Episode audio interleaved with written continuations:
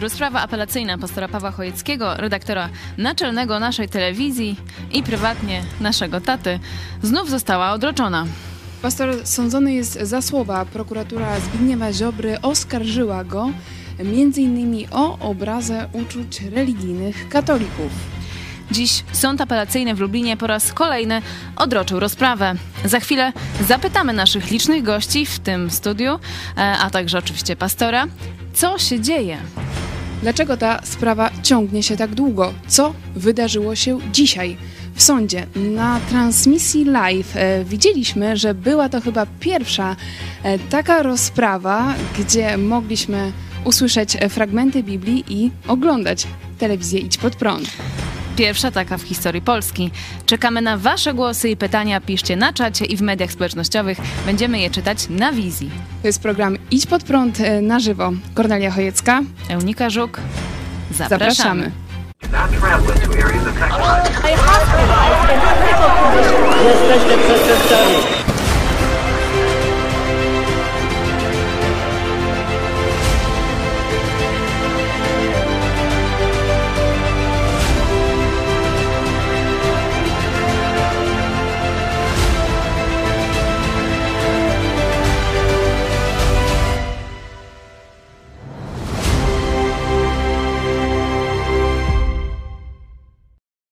Witajcie w telewizji Idź Pod Prąd. Minęła godzina 13, jest wtorek, 31 dzień stycznia. Myślę, że to jest ważny dzień e, dla e, całego środowiska Idź Pod Prąd. E, Dzisiaj odbyła się kolejna rozprawa apelacyjna w procesie pastora Pawła Chojeckiego, redaktora tylko, tylko naczelnego. Dla y, telewizji Idź Pod Prąd, dla naszego środowiska, które jest y, bardzo licznie dzisiaj y, z nami y, w studiu Tak, zebrane. dzisiaj nas jest Możemy bardzo pokazać, dużo. Witamy Was bardzo serdecznie.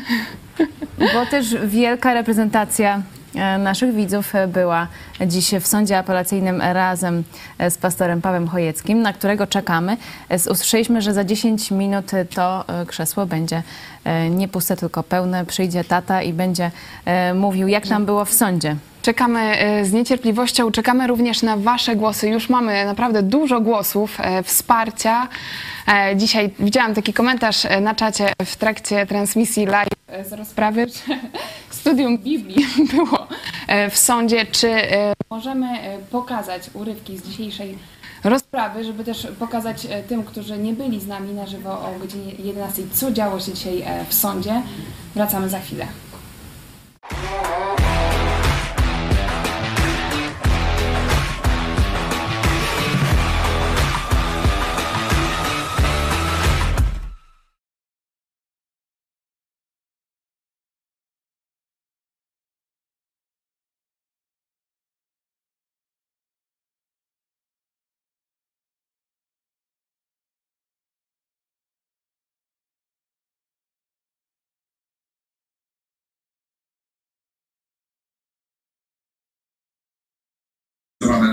Karalności oskarżonego i również opinię kuratora sądowego z, miejscu, miejsca zamieszkania.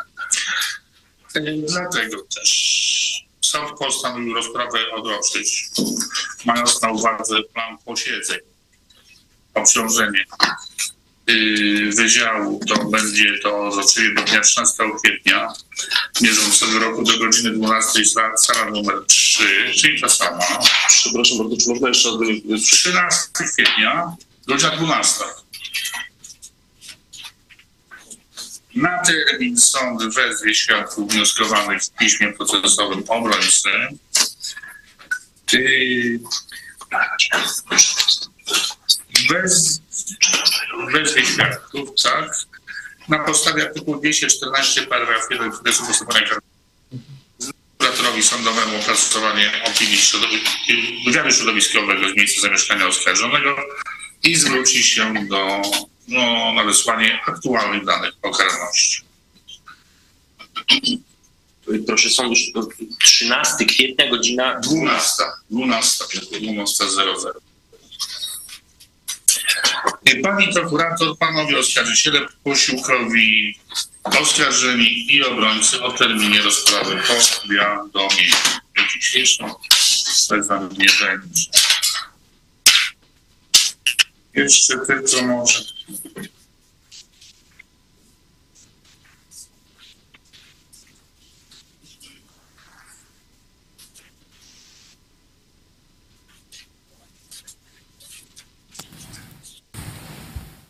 To się działo dzisiaj w lubelskim sądzie apelacyjnym. E, Było bardzo e, ciekawe, bo tak jak e, Kornelia mówiłaś, wycinki, tak jakbyśmy my je wycięli e, jako grupa promocyjna telewizji Całkiem dobre Prąd. i takie soczyste. Soczy- Ewangelia o darmowym zbawieniu w sądzie, y, jeszcze e, kilka słów o katolickiej mszy, e, również o dziennikarzach. E, Tym razem licznie, dość licznie zebranych na sali. E, Też mogli się dowiedzieć mm, kilka gorzkich słów na swój temat. E, Mamy e, na razie tylko e, dwóch e, e, znamienitych gości, ale będzie z nami jeszcze więcej gości. Mm, Jest z nami Profesor Krzysztof Kilian z Zakładu Ontologii i Teorii Poznania Uniwersytetu Zielonogórskiego. Witamy serdecznie, panie profesorze. Witam Państwa bardzo serdecznie. Dzień dobry. Dzień dobry. E, Pan profesor e, jest autorem e, jednej z prac, która broniła pastora Pawła Chojeckiego. Między innymi pisał pan właśnie do sądu pierwszej instancji, że nie ma czegoś takiego jak uczucia religijne. A czy oglądał pan dzisiejszy live z sądu apelacyjnego? Tak. Pra- Panie profesorze, no i pytanie, jak pan ocenia to, co się dzisiaj działo na sali e, sądowej e, podczas e, procesu apelacyjnego e, pastora Pawła Chojeckiego? Wiecie Państwo, to, że rozprawa nie została, to, to że to nie, nie, zostało załatwione na jednym posiedzeniu, to moim zdaniem wskazuje na tym, że ktoś siedzi, ktoś, czyli sąd siedzi i myśli, co z tym dalej zrobić. Moim zdaniem jest to krok, gdybym ja miał to ocenić, to jest to krok w pozytywną, pozytywną stronę, dlatego że przecież teoretycznie świadectwa, czy też dowody, tak to nazwijmy, jakie, dostarczy, jakie yy, dostarczyli oskarżyciele, były tak mocne, że dla sądu pierwszej instancji sprawa nie wymagała żadnego, i sprawa po prostu nie było, nie było dla sądu pierwszej instancji żadnego problemu. Widać jednak, tak mi się wydaje, no, że chyba coś jest, coś jest na rzecz. Ale co, co jest na, na rzeczy, chyba- panie profesorze? Y, to- Jakby to mógł pan znaczy rozwinąć? To, a oczywiście, że mógłbym rozwinąć. Y, To, że posądzanie kogoś o obrazę uczuć religijnych, jeśli nie wiadomo, czym one są, no jest jakimś jest jakimś nieporozumieniem. A dlaczego to jest, proszę Państwa, nieporozumienie? Bo ja już powiem w tej chwili tak y, ogólnie swoje własne na ten temat przemyślenia, bo to nie jest dobra taktyka, by w sądzie, w sądzie, bo w prywa- w prywatnych rozmowach to zupełnie co innego jest. By posługiwać się takimi narzędziami jak prawa tutaj dotyczy obrazy uczuć religijnych, ale zaraz mamy inne narzędzia typu mowa nienawiści, typu homofobia, bo nie wiadomo, co te nazwy znaczą, a do czego to nas prowadzi. Zaraz to do porozmawiamy, tego- y, porozmawiamy szerzej. tak. Zaraz porozmawiamy szerzej e, o e, samej koncepcji właśnie e, wolności e, słowa, e, a także o tym, czy państwo e, powinno w jakiś sposób jednak ograniczać e, tę wolność wypowiedzi dziennikarzy e, czy pastorów, duchownych. E, Ale przywitajmy naszego kolejnego gościa.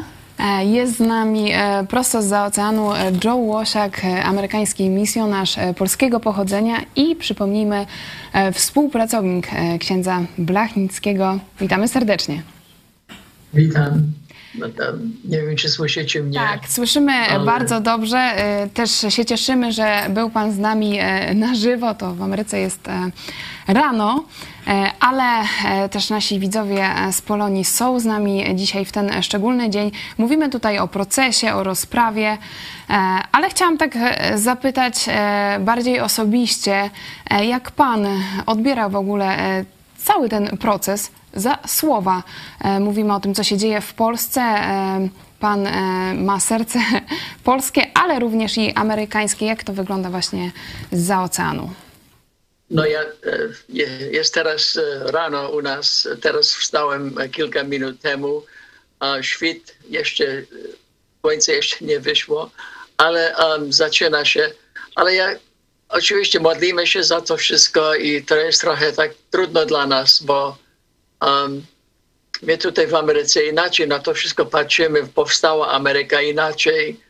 E, jak Ameryka powstała 224 lata temu prawie, to um, 98% kościołów były niekatolickie, były po prostu już reformacyjne i inaczej patrzyli na tego i pozwalały słów, nawet Ameryka powstała, a nasza konstytucja. Um, był taki słynny kaznodziej, nazywał się Roger Williams, że um, wolność słowa jest bardzo ważna i oczywiście kłamać o kogoś e, i zrobić mu krzywdy. A w tym wypadku krzywda idzie przeciwko pastora Chojeckiego.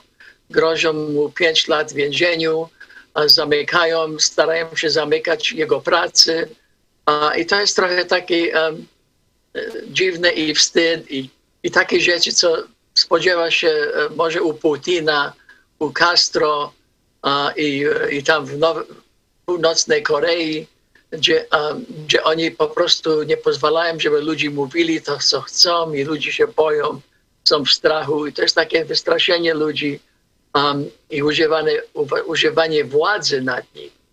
Um, nawet ja, ja tak wspominam, y, bo to jest prawda historyczna i prawdy historyczne um, takie są solidne, ale jedna, jeden rzecz, co nie da się wykręcić się e, i, i co jest tak mało zrozumiane w Polsce, że nawet jak e, Kościół katolicki starał się wejść do sprawy państwowej w XVIII wieku, ja myślę tak, że na końcu i, i, i starali się sformułować konstytucję, pierwsza konstytucja w Europie, że pierwszy punkt tego konstytucja był ustalony przez Kościoła katolickiego, że nie wolno, żeby katolik zostawił swój kościół i poszedł do innego kościoła. Dały wolność tylko do istniejącej już protestanty, ale nie pozwalało, żeby katolik zmienił swoje religie. To znaczy, to w sumie to nie jest zmiana religii, to jest tylko zmiana kościoła bo my nadal staramy się jak najbardziej być e, posłuszny do Jezusa Chrystusa i Jego nauki, nauki apostołom i proroków, które są potwierdzone. I to jest tak napisane w liście do Efezjan 2,20, że, że nasza cała wiara, cała nasza wiara siedzi na Jezusa Chrystusa, na Jego apostołów, które On wybrał i też na proroków, które On potwierdzał, potwierdził od Abla do Zachariasza. E, jest, Pozwolę sobie, e, przepraszam, e, pozwolę sobie wejść e, w słowo. My jeszcze będziemy rozmawiać też o korzeniach wolności religijnej w Polsce, jak to było kilkaset lat temu, ale bardzo dziękuję, że wspomniał Pan również ten kontekst wojenny, to co się dzieje na Ukrainie. Tam toczy się wojna, tam codziennie giną ludzie, a my dzisiaj zajmujemy się procesami za słowa w Polsce, ale też widzieliśmy to dzisiaj na transmisji live e, z procesu, że tak naprawdę ci e, hejterzy, którzy e, domagali się tego, żeby zamknąć telewizję Idź Pod Prąd, tak naprawdę doprowadzili do tego, że w sądzie była oglądana telewizja Idź Pod Prąd, była cytowana Biblia, także chyba nie tego się spodziewali, no ale, ale tak wyszło. Chciałam teraz oddać głos tym, którzy dzisiaj byli w sądzie apelacyjnym w Lublinie. Widzieliśmy transmisję, ale chciałam zapytać o wasze, o wasze wrażenia. e, Co czuliście, gdy byliście na sali, gdy wstaliście przed salą e, z kartkami e, Wolność Słowa? Także proszę bardzo, wiem, że zjechaliście się z różnych stron Polski.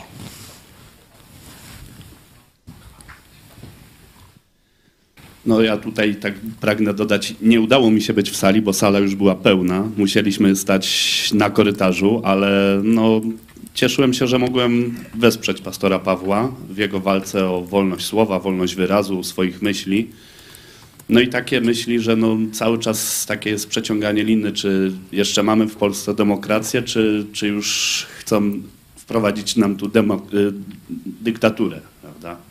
No ale cieszę się, że mogłem, mogłem pastora wesprzeć w tej sprawie. Jaka była atmosfera? Co, co się działo no, dla tych, którzy byli właśnie w domach i nie mogli być e, z wami wszystkimi na sali? Mi się udało wejść do sali, e, chociaż rzeczywiście no tak trzeba było prawie że stać na jednej nodze, jak to kiedyś w pociągach w Polsce za, za, za dawnego ustroju. Sala była za mała, zdecydowanie. No sąd w tej samej będzie kolejną rozprawę procedował, chociaż myślę, że powinien co najmniej dwukrotnie większą nam zapewnić. E, ale e, wzruszające momenty, bo naprawdę e, była możliwość właśnie odsłuchania fragmentów naszych programów czy nauczań Pawła i, no, no wiadomo, no to będzie, będzie okazja też naszym widzom pokazać zapewne, zresztą już wczorajszy program w Dogrywce o tym mówił, dla mnie to oczywiście takie wydumane i wyssane z palca te zarzuty, natomiast wspaniałe było to, że wszyscy, którzy to widzieli i mamy nadzieję, że będzie to szeroko upublicznione, bo rzeczywiście były media też i publiczne, będą mogli usłyszeć prawdę Biblii, e, Ewangelię, e, no też prawdę o dzisiejszym stanie państwa polskiego, o prokuratorze i o prokuraturze e, Zbigniewa Ziobry. Także to były wzruszające chwile, były brawa publiczności, ja byłem dumny z Pawła i z tego, że, że może właśnie dla imienia Jezusa cierpieć, być prześladowany. Jest to napisane, że to jest błogosławieństwo, tak? To wczoraj e, też mówił o tym właśnie, co, co Jurek Dajuk mówił właśnie o ostatnim błogosławieństwie od, od Jezusa, że ci, którzy będą prześladowani za Jego imię, no to jest, to jest chwała, prawda? To jest coś pięknego. E, Hmm? Wejdę e, w słowo Tobie, Michale, że e, to było niesamowite, że te fragmenty, które widzieliśmy w sądzie, to one nie były właśnie powycinane, nie było tych urywków, e, tylko było w całym kontekście, także można było rzeczywiście zrozumieć przekaz, jaki płynie, co chce przekazać pastor Chojecki.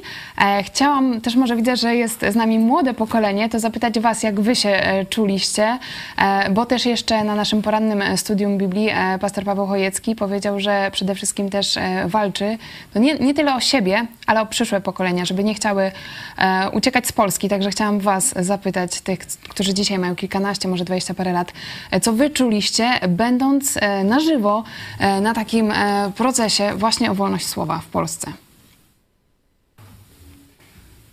Y, to ja przyjechałem z Wrocławia, no i szczerze mówiąc, to jestem dumny, że mogę stać tutaj na tej pierwszej linii w walce o wolność słowa w Polsce. I cieszę się, że też tyle osób przyjechało. Naprawdę tworzyliśmy bardzo silną grupę. To było niesamowite i, i naprawdę takie poruszające dla mnie doświadczenie. Na pewno zapamiętam je do końca życia. Dzięki. Kto jeszcze? O, widzę, że są odważni. No my właśnie też przyjechaliśmy dzisiaj rano, wstaliśmy o godzinie czwartej i właśnie przyjechaliśmy, żeby wspierać pastora. I bardzo się cieszę, że mogliśmy tu być, bo mimo właśnie tych zarzutów i tych jakby przykrych e, okoliczności, e, większość ludzi miała naprawdę uśmiech e, i naprawdę myślę, że też jestem dumna z tego, jak właśnie mogliśmy się zaprezentować jako grupa. Ale czy takie procesy właśnie za słowa nie zniechęcają Was do życia w Polsce, pozostania w Polsce? Bo rzeczywiście mm, dużo z Waszych rówieśników planuje po prostu wyjazd z, z naszego kraju. Również za to, znaczy ze względu na to, że nie ma tutaj swobody, swobody wypowiedzi. Dla mnie z jednej strony reakcja sądów i powiedzmy rządu jest zniechęcająca, ale reakcja ludzi za to, że jednak widać to jest poparcie, że wolność słowa jest dla nich ważna, no to to jest bardzo zachęcające i to chyba jest bardziej zachęcające niż reakcja rządu. Czyli widzimy, jak jak ta solidarność z pastorem Chojeckim, jak e, to, że ludzie z różnych też środowisk, nie tylko nasi widzowie, ale e, także ludzie, którzy się e, prywatnie nie zgadzają z pastorem Chojeckim, czy są ateistami, czy, czy katolikami, bardzo licznie poparło pastora ze względu na to, żeby mógł głosić swoje poglądy, tak samo jak oni chcą głosić swoje. Ja już widzę, że pastor się Super, to gdzieś z e, tyłu. zaraz e, już tutaj czekamy na e, pastora Chojeckiego, a ja witam kolejnego pastora. Jest z nami e, pastor Ireneusz Dawidowicz e, z Kościoła Baptystów e, w Białymstoku. Dzień dobry. Dzień dobry. E, dzi- Dzisiaj pastor również był wymieniony w sądzie. E, Tak, tak. E, Dzisiaj dużo było o protestantach, o Ewangelii, o darmowym zbawieniu w Jezusie na sali sądowej. My zrobiliśmy z tego live. No szkoda, że inne media, TVP czy, czy Polsat, Onet nie zrobiły takiego live'u. Pastorze, czy pan oglądał live z dzisiejszego, e, z, dzisiejszej rozprawy? Widział, e, co tam się działo? Nie, nie, niestety, bardzo mi przykro. Nie mogłem uczestniczyć, ale czytałem e, informacje o tym, jak to przebiegało i słyszę teraz mm, to, czym dzielą się uczestnicy tego spotkania. Podzielam e, zdanie i zadowolenie pastora e, Pawła Chojeckiego, e, które tutaj odczytałem, że rzeczywiście była to mm, mimo przykrych okoliczności, no bo bycie oskarżonym, procedowanie w tej sprawie, czy w końcu jaki wyrok zapadnie, to nie jest miła sprawa, tym bardziej, że uruchamiają się tu różne ośrodki, e, różni ludzie, którzy e, przy tej okazji chcieliby zatrzymać pewną działalność pastora i wyrazić generalnie opinię przeciwko protestantom, bo tak to zwykle bywa. Mimo tych przykrych okoliczności zadziała się bardzo ważna rzecz, że e, Słowo Boże było prezentowane i podkreślana prawda, prawda jeszcze rozumiana przez niektórych należycie, konstytucyjna prawda o wolności, o równości w naszym kraju, no, która niestety bardzo często e, jest e, e, bagatelizowana czy też lekceważona przez rządzących, gdzie czasami uznają, że to jest zupełnie normalna sprawa, jeśli ktoś jest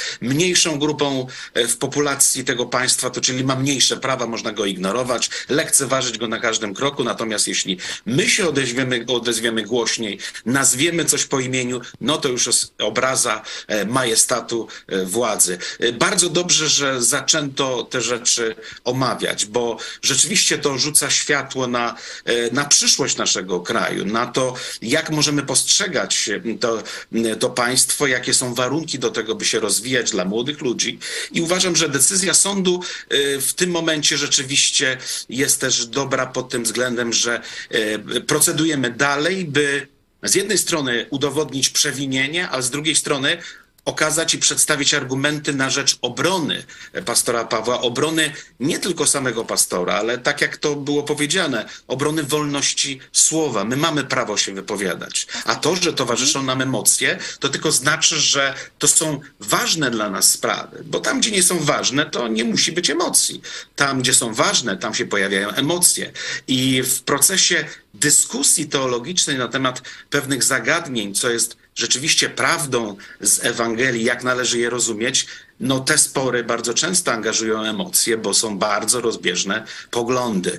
E, Zatem dzisiejsze, dzisiejsze doświadczenie e, cieszę się, że było okazją, by wielu ludzi mogło usłyszeć o tym, jakie poglądy mają protestanci, w jakim kierunku dążą i y, na jakim poziomie traktują praworządność w państwie. Uważamy, że państwo powinno być niezależne od Kościoła, y, władze niezależne od Kościoła, sądy niezawisłe pod tym względem. Nie mogą być narzędziem do rozgrywek, czy też międzyreligijnych, czy też politycznych. I dzisiaj również ten proces jest jedną z okazji pokazania, że w tym kierunku należy iść. I uważam, że ta decyzja sądu, która spowodowała, że dalej będzie się procedować w tym kierunku, a może jeszcze zostaną inni protestanci poproszeni o wy- e, ujawnienie stanowiska jak my postrzegamy e, z innych perspektyw, z innych regionów, z innych kościołów protestanckich, bo też protestantyzm nie jest jakąś e, scaloną grupą, e, łączy nas Ewangelia, fundament Pisma Świętego Jezus Chrystus, ale w co do drugorzędnych zagadnień możemy się różnić i nie musimy siebie zwalczać. I dobrze, żeby ta grupa mogła też wypowiedzieć się w tej kwestii. Już mamy, mamy z nami pastora Pawła Chojeckiego, szefa telewizji telewizji Świat Prąd. Witamy cię serdecznie. Witam, witam bardzo, bardzo serdecznie. Dziękuję wszystkim, zarówno tym z bardzo daleka, bo wiem, że i w Kanadzie, w Stanach Zjednoczonych, może w Australii, oczywiście w całej Europie, e, Polska, nasi widzowie, Polonia e, też wie, co tu się dzieje. E, myślą o tym, czy wrócić do Polski, jaka ta Polska będzie. Tu przede mną kilkadziesiąt osób, widzieliście, że chyba setka nas tam była w sądzie z każdą rozprawą, coraz więcej. Także to marzenie, by ta sprawa dodała otuchy chrześcijanom do e, głoszenia z odwagą Ewangelii o darmowym zbawieniu, to widzicie, że się dzieje. Oczywiście dziennikarze e, tych reżimowych mediów próbują zamilczeć tę e, sprawę, stąd jeszcze ta sprawa nie przebiła się masowo do Polaków. Ale to jest kwestia tygodni. Tak Mówisz mi się o- wydaje. I jeszcze jedno też. Irek, tobie szczególne słowa podziękowania. Jesteś jednym z pierwszych pastorów, y, który e, no, przyjął na siebie część tego odium, które spada na mnie. E, To wielka odwaga, ale i dla mnie wielka, wielka zachęta. Oczywiście też dziękuję Ci za słowa napomnienia, bo to też zachęta i wiesz, że nie pozostają one bez wpływu. Mm, Wiemy, że e, zaraz musi nas opuścić profesor e, Kilian. z A, to jeszcze jest, bo przepraszam, jest- ja tak wpadłem, wiecie. Wiemy, wiemy, się dzisiaj, dzieje. Drodzy Państwo, dużo się dzieje. grono profesorskie. Profesor Kilian, autor kontropinii dobiegłej. Zielonogórski. e, Pozdrawiamy biegłej. wszystkich też innych, którzy się tym procesem Także e, jest interesują. z nami e, e, misjonarz Joe Łosiak. Wow! No to, a to przez Joe to się to wszystko zaczęło. Znaczy nie proces, ale to, że e, protestanci zrozumieli, że to nie jest jakaś prywatna sprawa, prywatna wojna, tylko że to jest proces o to, czy można w Polsce w sposób nieskrępowany co do treści i formy głosić Ewangelię. Także Joe, wielkie, wielkie podziękowania. E, Wiem, że zrobiłeś wiele, ale też wiem, że modlisz się cały czas wraz z żoną. To jest naprawdę dla nas ogromna zachęta. Tu moje córki też tego świadka, są świadkami e, dzieci, znaczy w sensie Tymek też, także cała nasza rodzina, bo poznałeś nas, e, byliśmy z żoną i z Kornelią chyba, i z drugą córką i pamiętasz, co, kto tam jeszcze był? No mój przyszły zięć. No ten, co dzisiaj rap mi przy porannym goleniu. Tak, zaraz pokażemy. Przy porannym Dobra. goleniu normalnie zięć mi tu z rapem wjeżdża normalnie. No i w Także sądzie też super. był w centrum wydarzeń. Ale oddajmy Szymona. głos jeszcze e, profesorowi Kilianowi, bo musi za chwilę nas opuścić. E, Panie profesorze, e, jak przewidywania dotyczące e, tej sprawy, ale także rozwoju właśnie mm, sprawy wolności słowa w Polsce. E, Czy ten artykuł 196 o obrazie uczuć religijnych, za którą mm, pastor jest między innymi mm, oskarżony przez prokuraturę, on zniknie z kodeksu karnego? Będzie, będą jakieś zmiany? Czy to jest początek, panie profesorze? Pani, nie wiem, no ja nie jestem prawnikiem. Elementarna logika nakazywałaby y, powiedzieć, że albo niech ktoś to zdefiniuje tak, żeby było jasne, o czym mówimy, albo niech to usunie. Jaka jest prawda? Ja, przepraszam, jak się sprawy rozłożą, to ja nie wiem. Natomiast ja mam takie y, pytanie, pytanie, które chciałbym puścić y, w eter za Państwa pośrednictwem, bo właśnie faktycznie muszę już kończyć, a przyszło mi w tym momencie do głowy. A pytanie brzmi tak mniej więcej w taki sposób. Otóż dlaczego oskarżyciele nie czują się obrażeni na przykład wypowiedziami świadków Jehowy, którzy utrzymują, że Chrystus nie był Bogiem? Bądź też nie poszli do synagogi, gdzie, gdzie usłyszeliby, że Chrystus nie jest Synem Bogiem. Ani jedno, ani drugie nie wiedzieć czemu nie obraża uczuć religijnych osób, które oskarżają pastora, więc no, mają jakoś tak chyba jako, jakoś tak bardzo wybiórczo te uczucia ukierunkowane. O, co to jest tyle chciałem. Panie profesorze, e, bardzo dziękujemy za łączenie i mam nadzieję, że wkrótce znów e, spotkamy się e, w telewizji Idź Pod Prąd. Był z nami profesor Krzysztof Kilian, Uniwersytet Zielonogórski. Dziękujemy. Dziękuję jeszcze raz. Bardzo, a my może, żeby sobie zrobić chwilę przerwy, jest dużo dzisiaj emocji, dużo gości, to puśćmy nowy kawałek rapera Żuku, Proces. Projekt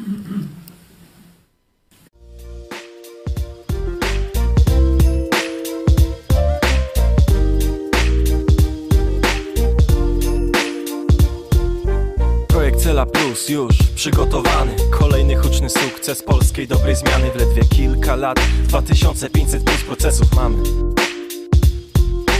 Słyszałeś, ale czy załapałeś, czy zachrapałeś? Są nowiny, do celi ciebie wsadzą. Nie bez przyczyny, słowa to poważna rzecz. Więc poważnych słów się strzeż. Wsłuchaj się w tą treść. Zakład karny 196 to paragraf. Nieprzerwanie używany. Ostatnimi czasy bezwzględnie szafowany Ciemne prokuratury. Niedługo zacznie zdobić mury. Ziobro precz Słowa to poważna rzecz. Objawiona zjawa to obraza, a nie duch nie bez kozery. Tak mówi prawa stróż, gdzie twe maniery? Bądź sobą szczery. Polityka, afery To sprawy dla ludzi z wyższej sfery. Ja do księdza mówię cześć! A nie szczęść Boże Na prezesa wołam mały książę. Do Pinokia pokazuje tylko gest. Ja do księdza mówię cześć a nie szczęść Na prezesa wołam mały książę. Do Pinokia pokazuje tylko gest. Dlaczego? Dlatego, że właśnie tak chce kolego. Nikt nie ma prawa nam zabronić tego. Krytyka, polityka bądź kleryka to coś normalnego Mamy wolność słowa, ale bez wolności już po słowach. Coś za coś, nie wierzysz to zobacz. Słowa jak klucz otwierają serca i umysły Więc za słowa klucze zamykają By twe myśli nie rozbłysły, skisły I prysły wszystkie twoje pomysły A domysły, że ktoś coś tu zmieni Wygasły, jak słońce w jesieni. Ale my żyjemy w innej przestrzeni Litera W w nas odciśnięta, jak Yellowstone piętna. Jedyna szansa, transfuzja krwi. Pytanie otwarte, czy wystarczająco wielu jest ich? Kibiców wiejskiej, kibiców świn mówię cześć a nie szczęść Boże. Na prezesa wołam mały książę. Do Pinokia pokazuje tylko gest. Ja do księdza mówię cześć a nie szczęść Boże. Na prezesa wołam mały książę. Do Pinokia pokazuje tylko gest Wstyd mi za tych ludzi, co się zwą Polakami i Polaków, rodaków, ich dusz opiekunami, prawda? Na cenzurowanym skutek będzie, bądź świadom, ale nie trać nadziei, każdy przypadek coś zmieni. Mimo, że z biegiem czasu kłamstwa będzie trójnasób, bo bezkarność pociąga, węszy dalej i wciąga, nieprzerwanie trwa. Jednak do czasu, aż jeden, drugi, trzeci, czwarty wyjdzie, ja na księdza mówię cześć. A nie szczęść Boże, na prezesa wołam mały książę Do Pinokia pokazuje tylko gest a ja do księdza mówię cześć. A nie szczęść Boże, marne zioro nic tu nie pomoże. Wszystkim z wiejskiej pokazuje tylko gest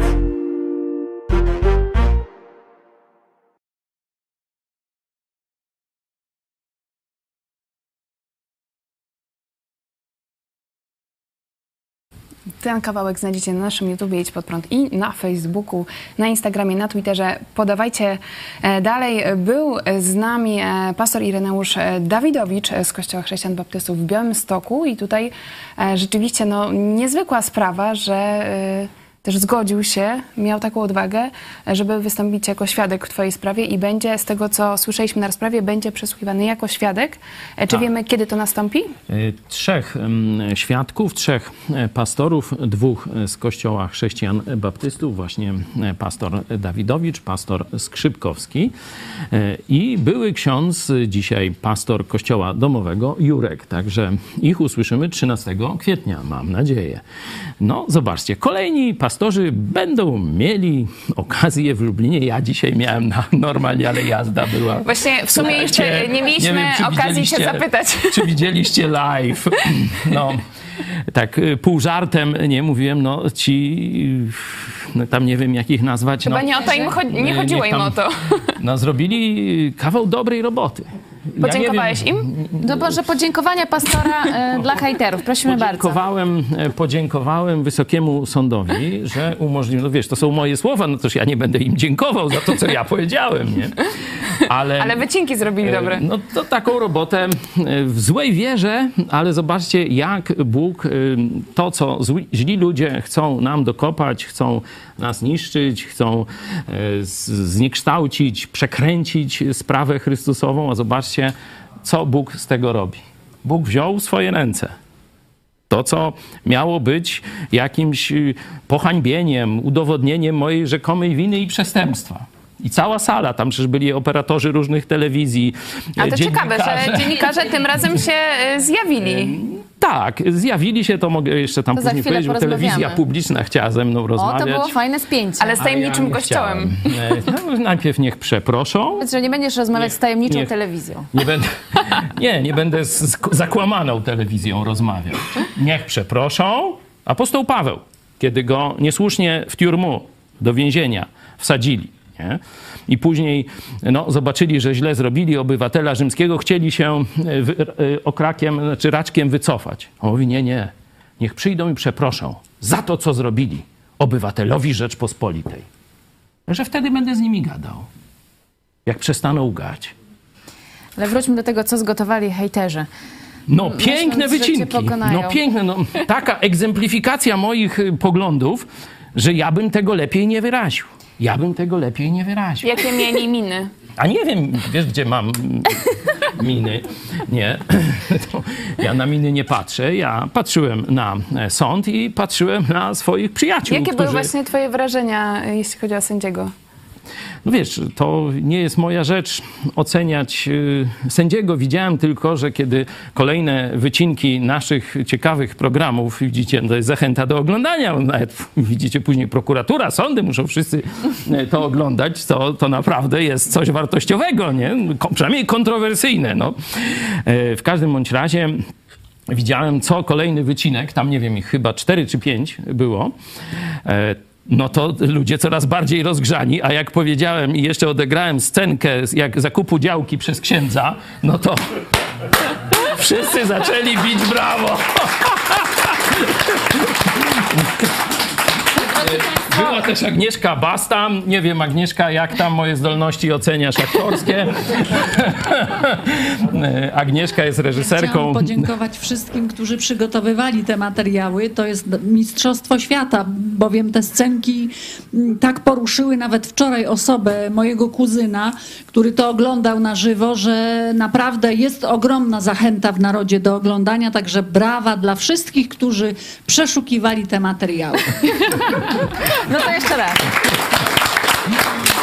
Drodzy Państwo, mam e, wiadomość, że jest już z nami były ksiądz, obecnie pastor e, Kościoła Domowego e, Jerzy. Witamy serdecznie. Dzień dobry, witam wszystkich bardzo serdecznie w studio i witam wszystkich widzów telewizji Prąd. Ja jadę z, z samej, spod granicy niemiecko-holendersko-belgijskiej. Jestem od was 1500 kilometrów, ale wracam do kraju. Wciąż jeszcze. Może cię nie zamknął na granicy. No, już się sąd tobą zainteresował, powiem ci tylko. Już będziesz razem ze mną. Co prawda w charakterze świadka, e, ale, ale jednak w sądzie będziemy mówić o Jezusie. No, w sumie apostołowie też mieli taki przywilej. Jak, jak trzeba, to trzeba, to ich sądzie. Pan. Amen.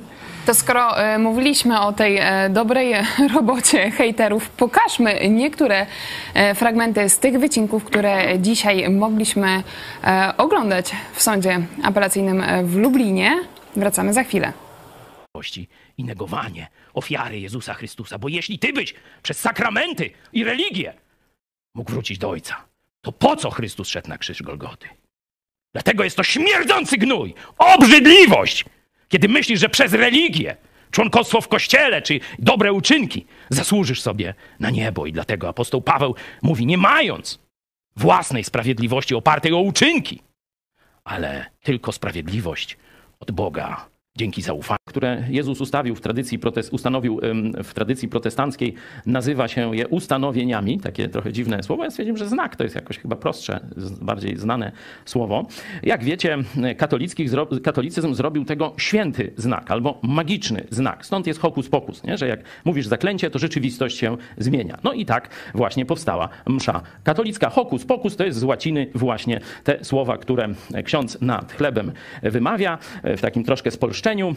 I rzekomo ten chleb staje się ciałem Chrystusa, no on go później łamie, czyli składa e, Jezusa na ofiarę za nasze grzechy. Bałwochwalstwo, bluźnierstwo do potęgi e, to już entej, bo nie da się tego wyrazić. Oczywiście też głupota, e, też absolutnie nie ma to związku z Biblią, tylko z pogańską wiarą Greków, którzy wierzyli w tak zwaną dwoistość natury i tam widzieli ta przypadłość zewnętrzna i ta substancja wewnętrzna i one tam jakoś ze sobą rywalizują. To Profesor Jotkowski kiedyś taki wykład raczył popełnić na otwarcie Lubelskiego Uniwersytetu Biblijnego, naszego e, projektu, chrześcijańskiego projektu edukacyjnego.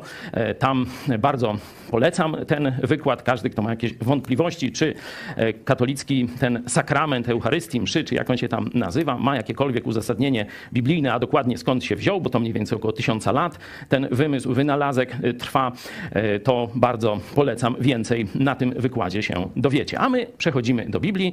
W liście do Wydaje mi się, że przecież zobaczcie, przecież prokuratura nęka naszą telewizję i mnie osobiście i nasz kościół za co? No z jednej strony za atakowanie, mówienie prawdy o kościele rzymskokatolickim, o jego zabobonach szkodliwych dla Polski, ale myślę, że o wiele bardziej ze względu na to, że budziliśmy świadomość Polaków, kiedy jeszcze wszyscy dziennikarze spali. Tu nie było żadnej stacji telewizyjnej czy jakiejś grupy medialnej, gazety, która by tak jasno i konsekwentnie budziła świadomość Polaków, jeśli chodzi o zagrożenie z komunizmem chińskim związane, nie? to to byliśmy my. Ja mam proces, teraz będzie apelacja 22 listopada, między innymi za to, że podobno nawoływałem do wojny z Koreą Północną. Im się pomyliło, bo ja mówiłem o Chinach tam raz, a oni o tego, ale na procesie to już cały czas było, że to o Korei Północnej źle mówi i o Chinach jeszcze gorzej. I to nie wolno tak mówić, nie? No taki, takie zdania padały na sali rozpraw polskiego sądu, wyobraźcie sobie. I to właśnie prokuratura Ziobry. Zobaczcie, tu bronił Huawei, a tu atakuje telewizję Idź Pod Prąd i mnie osobiście. No, czy to się komuś nie, nie zamyka w jedną całość? Bo mi się jakoś tak, nie wiem, może mam jakiś, jakiś nie wiem, chory umysł czy co, ale mi się domyka normalnie, nie? że w PiSie działa zarówno agentura komunistyczna, jak i polscy patrioci, którzy chcą dobra Polski.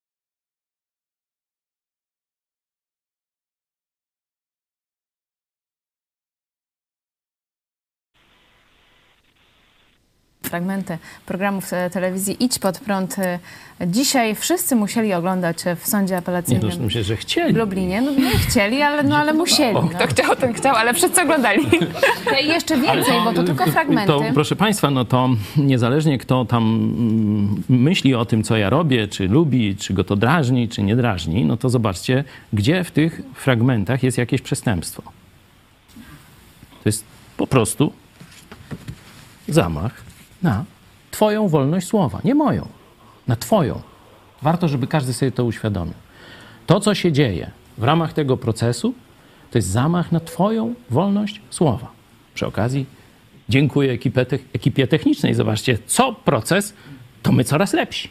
Dzięki. Tak sobie właśnie myślę, pokazujesz kartkę wolność e, słowa, hashtag e, support e, pastor i rzeczywiście widać, no proces trwa, a tak naprawdę no, dzięki temu można powiedzieć, coraz więcej osób dowiaduje się w ogóle, że wolność słowa jest w Polsce zagrożona. Ja ostatnio robiłam sondę w Lublinie właśnie na ten temat i młodzi ludzie no, często nie, nie słyszeli w ogóle o twojej sprawie, ale kiedy słyszeli, to naprawdę no, mówili słowa wsparcia, byli oburzeni tym, co się dzieje, także myślę, że im dłużej tak naprawdę ten proces trwa, e, tym więcej osób staje się e, bardziej świadomymi e, tego, co się dzieje. Ale Zobaczcie, przy tego rodzaju procesach, dużo bardziej wąskich, tylko tam za jedno zdanie i tak dalej, nie za całokształt, bo ja mam za całokształt swojego dorobku duszpasterskiego i dziennikarskiego, to ile było w mediach różnych dyskusji, wypowiadali się tutaj i tak dalej. Zobaczcie, tu jest martwa cisza media głównego ścieku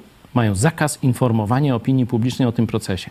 Bo wyobraźcie sobie, co by się w Polsce stało, gdyby te materiały z dzisiejszego procesu w telewizji Każdy Polak. z milionową widownią już by chyba mnie na rękach chcieli nosić.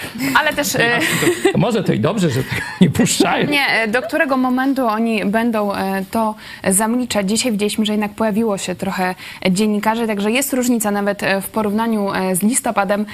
Bardzo dziękujemy za wasze głosy. One cały czas do nas spływają. Frank Martin, sędzia, ewidentnie ma dylemat, czy wykonać rozkazy i skazać pastora, czy słuchać sumienia i zdrowego rozsądku i oczyścić za zarzutów, a skazać tych oskarżycieli. Tutaj nasz widz już daleko.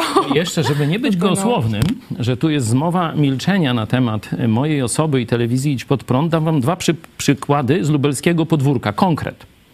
Radio Centrum. To jest takie niby wolnościowe, studenckie radio powstałe na bazie e, wysiłku studentów i ono teraz jest takie ogólnolubelskie, nie wiem czy ogólnopolskie. E, Jedna... Można oglądać e, przez, słuchać przez internet. No, czyli w tym sensie jest ogólnopolskie. Jedna z dziennikarek, młodych, studentka, zrobiła materiał z okazji Dnia Reformacji. Ja byłem tylko jednym z pastorów, który tam powiedział, nie wiem, dwie minuty może miałem, może 30, minutę 30. Nie? Jeszcze tam pastor luterański był i tak dalej, i tak dalej. I kiedy ten materiał poszedł, to już w trakcie był telefon. Co wypuszczacie? Chojecki na antenie! Co? Ale już nie mogli zdjąć. No to zrobili inne świństwo. Normalnie te materiały później lądują na YouTubie i można je oglądać. No i ta dziennikarka pyta, no gdzie mój materiał? Dlaczego ja nie mogę znajomym wysłać? Czyś ty nie wiedziała, że Chojeckiego puszczać nie można? Autentyk, to się dzieje. To To czemu, jest- czego oni jest- się boją? To czekaj, to jest drugi jeszcze przykład, nie? Oni się boją o tego, no. Mocy Słowa Bożego i prawdy. I prawdy. Bo ja im walę między oczy. Prawdę o komunistycznej Polsce i prawdę o katolickiej Polsce, czyli o katokomunie. Że to jest niewola, to jest dyskryminacja, to jest zatrzymywanie rozwoju Polski. No i to ich, wiecie, no, tych nadzorców denerwuje. A drugi przykład, y, to chyba kurier y, lubelski, to należy do Orlenu teraz już, nie? Zrobili taki plebiscyt Człowiek Roku. No i tam osobowość roku. No i tam są różne, różne działy. Y, Między innymi jest pomoc charytatywna. No tam nie będę mówił, co tam zrobiłem, czy nie zrobiłem, nieważne, ale też tu akurat Darek wpadł na pomysł, y, żeby y, mnie zgłosić. Mariupol, różne tam rzeczy. No Do tej człowiek, pory działasz charytatywnie. człowiek myśli, że no to normalne, no pastor, Ukrainy. e, pastor robi coś dla Ukrainy, dostaje od Ukraińców, dostaje podziękowania. Tam w Chełmie m, był taki święto niepodległości Ukrainy, no to mnie tam wyróżnili Ukraińcy razem z pastorem Skrzypkowskim. Noż tam coś, coś bym miał jakieś szanse może, nie? Wyobraźcie sobie, że ta należąca do partii politycznej przez koncern państwowy, czyli przez Orlen, stacja, odmówiła rejestracji mnie jako kandydata na człowieka roku. Bo nie. Nie, bo nie. I co mi zrobisz? No, pani mój- Doro- Dorota- nie ma Dorota pańskiego Kania, płaszcza. e, płaszcza. E, tego całego To, to, jest, to jest poziom wolności PiSu. To zobaczcie. To jest media, które, wiecie, koncern państwowy, naftowy, nie, czy tam gazowy, czy wszystko tamtego, kupił se media. Po co? Żeby wolność słowa była w Polsce? Macie dowód. Mają zakaz pisania o nas. To jest dyskryminacja. To jest zmowa milczenia. To normalnie w biznesie, jeśli się coś takiego robi, to to jest przestępstwo. To robią polscy dziennikarze. No dokładnie redaktorzy naczelni, a tchórzliwi dziennikarze realizują ten zakaz we wszystkich telewizjach, we wszystkich gazetach. No zobaczymy dzisiaj. Ciekawe właśnie też ten zbieg okoliczności, że y, to nie tylko pisowskie media, ale również te y, z lewa czy z najbardziej prawa również Największa, y, dyskryminują. największa stacja telewizyjna. Pastor niewygodny dla wszystkich. Największa stacja telewizyjna, nie będę mówił jaka, ale stawałem w jej obronie, kiedy jej tam y, trochę, y, że tak powiem, próbowali ją zamknąć. Po pierwszym procesie, po wyroku, umówiła się ze mną na wywiad. Mieli tu przyjechać, wszystko fajnie. Rano następnego SMS-a, już nawet nie telefon. Jednak może kiedy innym razem. Pamiętam, że nawet chyba przed wyrokiem e, Może już też przed, byli no. zainteresowani sprawą. Ale jeszcze śmieszniejszą rzecz wam powiem.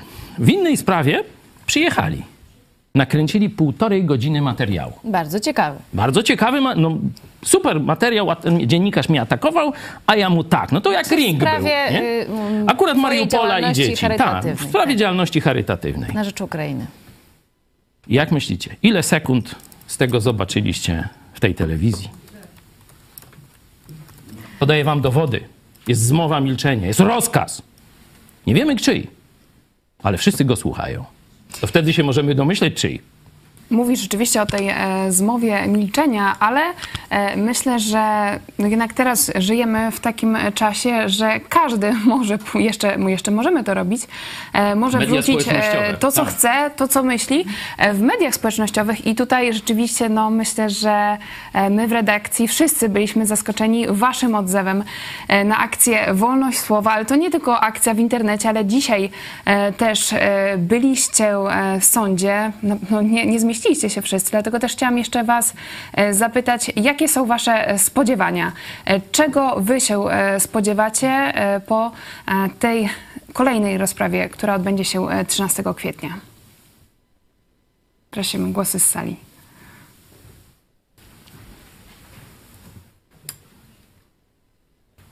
Od początku rozpraw widzę, że po pierwsze to nie jest sprawa pastora, to nie jest sprawa kościoła, to nawet nie jest sprawa protestantów, tylko to jest sprawa wszystkich wolnych ludzi. I spodziewam się, że do Polaków dotrze y, to, że no w tej chwili akurat my mamy ten przywilej y, dzięki Jezusowi Chrystusowi, że nam taki dał, y, walczyć o coś wielkiego również społecznie dla Polski, o wolność słowa i że mam nadzieję, że zrozumieją, że koszty tchórzostwa w walce z y, złem generalnie są o wiele większe niż koszt odwagi, jakikolwiek by nie był. Amen. Amen. Mamy, mamy też e, e, połączenie e, z e, Joe Łosiakiem, amerykańskim protestanckim misjonarzem. E, mm, Panie Joe, mamy pytanie, e, bo Pan też się kontaktował z Amerykanami, z amerykańskimi chrześcijanami, ale również polskimi chrześcijanami e, i e, próbował właśnie uświadomić ich e, na temat procesu pastora Chojeckiego, na temat wolności słowa. Jakie były reakcje właśnie i chrześcijan polskich i amerykańskich? No ja tak um, Amerykanie po prostu nie rozumieją tego, bo u nas e, nie bierze się do kogo do sądu, bo, bo twoje uczucie e, były ranione. Oczywiście wolność słowa jest ważna, ale, ale razem z tym to używając tej wolność słowa, mamy teraz, ja czuję się wolny mówić to, co chcę. Um, ja siedzę w Ameryce, mi nic nie grozi, um, ale tak samo życie to dla was i mieliście tego. Nie wiem, co się stało teraz. Ja wiem, że w czasach komunistycznych ja też e, byłem na spotkaniu partyjne i głosiłem Jezusa Chrystusa i to im bolało. A nie wiedzieli, co ze mną zrobić. E, Chcieli mnie wygonić z Polski, ale um, miałem takie stanowisko, że było im trudno to zrobić wtedy, w latach 70. Ale teraz e, jest taka sytuacja, że jeżeli wiele ludzi teraz oglądają, to trzeba teraz jak najbardziej głosić, że największa wolność przychodzi od Jezusa Chrystusa. Że um, jakaś gęść może mieć wolność skakania i, i, i, i robienie swoje dźwięki, ale, ale teraz jest czas, żeby głosić dobre nowiny i, i głosić prawdę o Jezusa Chrystusa i do kogo się mamy modlić, kogo mamy się wierzyć, jak ma wyglądać Kościół według Jezusa Chrystusa apostołom, które je On ustalił i prorokom. To jest wszystko napisane w Piśmie Świętym. Do kogo mamy się modlić, do kogo nie mamy się modlić. Kogo mamy wierzyć, jak, mamy, jak, jak jesteśmy zbawione. Czy mamy płacić za swoje zbawienie, tak jak niektóre ludzie wymyśliły, czy zbawienie jest darmowe czy Duch Święty mieszka w każdym człowieka. Człowieku, który Jego uwierzy, e, przy, przyjmuje Go jako Zbawicielem i Panem. To, jest, to są najważniejsze fakty. To jest, teraz jest czas, żeby ludziom uświadomić Ewangelię i życie Chrystusa i jak Kościół ma wyglądać według Jezusa Chrystusa i Jego wybrane, nauczone ludzi, którzy em, bardzo dobrze ustaliły Kościół, ale już w pierwszym wieku Jezus nam powiedział, wrócił do Jana w pierwszym wieku i to jest opisane w objawienie Jana, objawienie Jezusa Chrystusa do Jana, Apokalipsa, że nawet w pierwszym wieku um, kościoły e, poszli w innym kierunku, już od, odeszli Kościół jest ten, który wierzy, nie ten, który mamy wierzyć. Kościół jest ten, który jest wierny Jezusowi, nie ten, który mamy wie- być wiernym. A Kościół jest ten, który głosi prawdę, nie ten, który jest prawdą. Prawda jest Jezusa, Jezus Chrystus.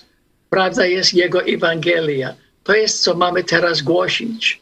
Nie siebie, nie jaki my jesteśmy, um, ale jaki On jest wspaniały. A my jesteśmy grzesznikami zbawione łaską przez naszej wiary. Um, każdy może uwierzyć Jezusa. Każdy grzesznik może do Niego przyjść. Ja jestem w Polsce, żeby głosić Ewangelię. I Ewangelia najbardziej boli diabła. I, I w sumie walczymy z diabłem tutaj.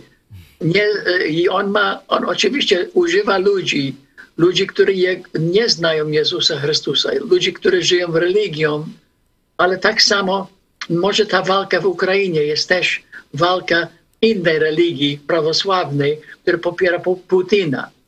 Że sama religia może być wykorzystana, Kościół może być wy- wykorzystany. Jezus tam tak sam powiedział, w pierwszym wieku już pięciu wśród siedem kościołów, zbory, kościoły były używane już przez diabła, już zboczyli drogi i musieli po, powrócić do Boga. I tak samo wołamy Polaków, żeby wrócili do Boga. No właśnie, prokuraturę też e, ta Ewangelia o darmowym zbawieniu w Jezusie e, boli.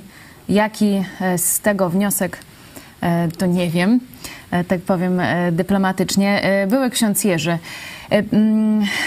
Panie pastorze, pytanie e, do, e, do pana. E, Wy razem, a tutaj też jak pastor Paweł Chojecki, Joe Łosiak, ale również i pastor Jurek, byliście zaangażowani w ten taki, można być, prowolnościowy, antykomunistyczny, ale też duchowy zryw, e, księdza Blachnickiego.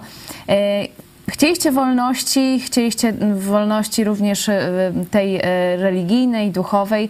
E, Jak mm, pastor widzi dzisiaj, że po- polskie państwo chce skazywać za słowa właśnie o wolności, o du- duchowej wolności, e, to jak pan, e, e, jakie ma pan e, uczucia, wrażenia właśnie z perspektywy tego, który mm, również e, walczył różnymi sposobami e, wtedy za komuny, żeby ta wolność e, była? Gdyby ktoś 30 lat temu powiedział mi, że dojdzie do takiej sytuacji, że wytacza się proces pastorowi za słowa, to bym nie uwierzył.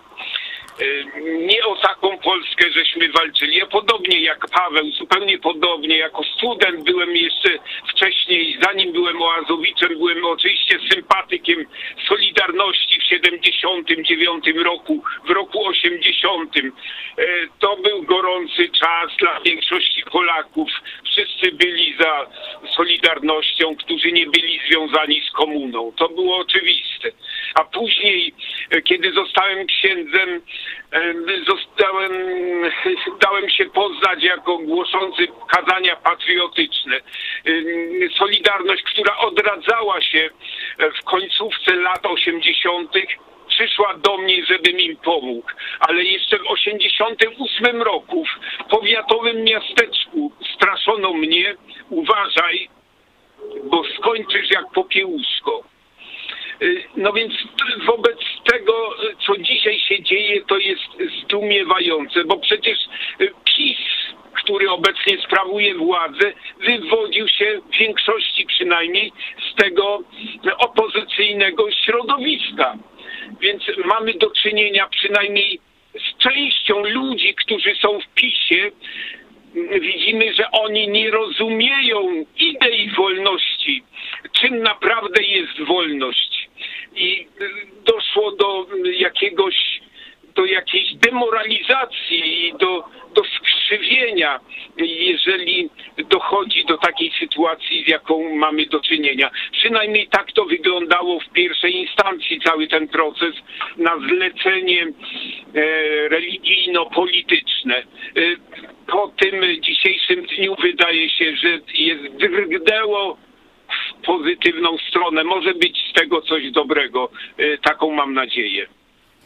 Dziękujemy. No, bardzo, bardzo ciekawe e, zdanie. Myślę, że ci, którzy kiedyś walczyli o wolność, e, dzisiaj e, z tego obozu właśnie pisowskiego widać, że nie rozumieją idei wolności. Dlaczego tak jest według Nie, no niestety ta kadra główna PiSu, bo mówię w PiSie, szczególnie na tym drugim, trzecim, czwartym poziomie jakiejś partyjnej struktury są naprawdę uczciwi ludzie, którzy myślą tak samo jak my. Ale ta elita, która no, nadaje ton działalności pisowskiej, zdradziła etos Solidarności. Zdradziła etos Solidarności, zdradziła etos wolności. Chce budować republikę bananową. Stąd jest to przejęcie mediów, stąd jest to przejęcie prokuratury, stąd jest to ta próba przejęcia sądów, to jest zawłaszczenie majątku, e, to jest kumoterstwo, nepotyzm to takie bardziej mniej zrozumiałe słowo. Kumoterstwo, no i tak dalej. To jest hańba i wstyd dla tej Solidarności pierwszej. To jest hańba i wstyd, że taki rak wyrósł na tym zdrowym ruchu, na tym pragnieniu wolności 10 milionów Polaków. I, e, I jeszcze tylko jakbym mógł dokończyć, nie? To, co robimy razem z innymi pastorami, z też ludźmi niewierzącymi, bo przecież mnie popiera bardzo dużo niewierzących ludzi, to widać no, e, w tych gitarach, nie? Mamy około 300 ludzi, którzy są zaangażowani w działalność taką chrześcijańską, a tysiąc gitar nam gra, co... Czyli tysiąc wpłat. Tak, To czyli taka, e, prawdopodobnie no to w większości pastora? są ludzie, którzy nie, nie podzielają wszystkich tam moich poglądów, no tam może nie podoba im się to, co wymachujemy, jeśli chodzi o Nowy Testament, o Jezusa, ale wiedzą, że dążymy do wolnej Polski. To jest bezdyskusyjne dla tych ludzi. No bo rok w rok, miesiąc w miesiąc Tak, dzisiaj, wspierają nas. dzisiaj na czacie też z rozprawy widziałam Ale osoby, jeszcze- no, no, które proszę, się proszę. pi- pisały, że się nie zgadzają, ale Ja to e, doskonale szanują to, rozumiem. co robimy i stają w twojej obronie, pomimo Amen. tego, że się I- różnimy. I bardzo to szanuję. To, są, to jest właśnie kwintesencja polskości. Za wolność majszał. Nie. To chłop pańszczyźniany, niewolnik może tak myśleć. A wolny Polak zawsze przez historię wiedział. Wolność dla mnie i wolność dla ciebie. A nawet bardziej dla ciebie niż dla mnie. O wolność waszą i naszą. To jest etos prawdziwego Polaka. A to ruski rab, czyli niewolnik, chce wszystkim zabrać wolność, żeby było pod jego dyktando, pod jego linijkę. To nie jest polskość. To jest Azja, syn Tuchajby. Jeśli my, ale o Solidarności. Czy wiecie, czym dzisiaj zajmuje się Solidarność? Przykładowo, na Lubelszczyźnie. Ktoś słyszał o ślubie w kopalni Bogdanka? Towarzysz Moskal, młodzieżówka PiS, ulubieniec Kaczyńskiego. Moskal, dobre nazwisko. To wiecie, co Solidarność mu zrobiła? No już tam, dobra, tam oświadczał się w tej kopalni po znajomości, niech ma. To teraz zrobili se bibkę, jakąś tam górnicze, coś tam picie, czy jakoś, tak nie pamiętam nazwy, może ktoś mi szybko wyszuka. Strzecha, o, górnicza strzecha z piwem i tak dalej. Przebrali górnika, wiecie za kogo? Nie za świętego Mikołaja, za babę. I kazali się całować z Moskalem. I tam był, no to już i nie, no, no tak, no tak. Tym się zajmuje dzisiaj Solidarność. To jest, wiecie, nie wiem jak to nazwać. I był tam ten Soboń, poseł PiSu z Lubelszczyzny. No wstyd i hańba! Czym oni się dzisiaj zajmują? Za nasze pieniądze bibki se urządzają. Księdza przebrali w ornat, znaczy górnika w ornat i ślub im niby udzielał. Dwóm chłopom. Tym się Solidarność dzisiaj zajmuje za nasze pieniądze. Konserwatyści, no. Ludzie, czy dociera to do was? Nie ma Solidarności, prócz, prócz tych, którzy dzisiaj stoją właśnie za wolnością słowa, którzy dzisiaj upominają się o wolność także dla mnie, bo to nie jest moja wolność. To jest za wolność moją i twoją, za wolność naszą i waszą. Mówimy o walce o wolność dzisiaj, w 2023 roku i tutaj w niedzielę mieliśmy wspaniały e, koncert wolności, żeby tak zmienić nastroje z tego, co było e, przed chwilą. Posłuchajmy utworu Wolność Marka Grechuty w wykonaniu e, Jurka Dajuka. I wracamy za chwilę, porozmawiamy trochę o przyszłości, też o tym, co może się zmienić, bo wiemy, że w tym roku przecież są wybory. Także wracamy e, za chwilę.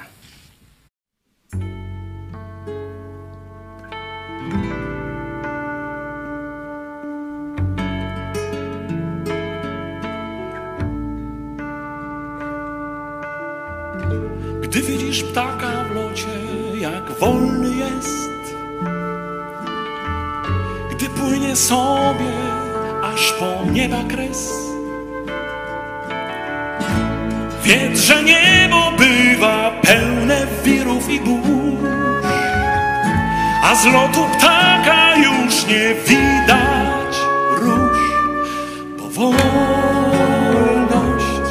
to nie cel, lecz szansa, by spełnić najpiękniejsze sny, marzenia.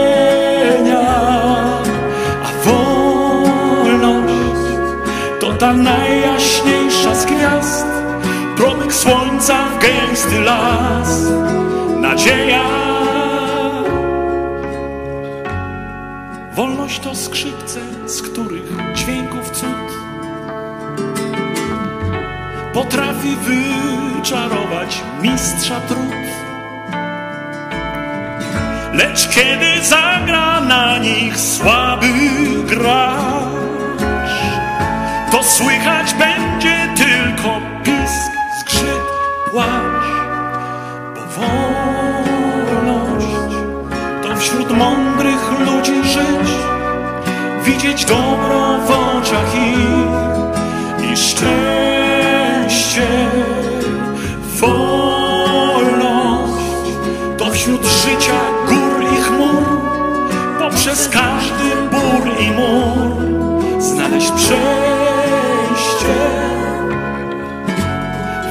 wolność lśni wśród gałęzi wielkich drzew, które pną się w słońce, każda w swoją stronę. Wolność brzmi jak radosny ludzi śmiech, którzy wolność swą zdobyli na obronę. Zwycięstwa mądrości prawdy i miłości, spokoju, szczęścia, zdrowia i godności. Wolność to diament do oszlifowania, a zabłyśnie blaskiem nie do opisania.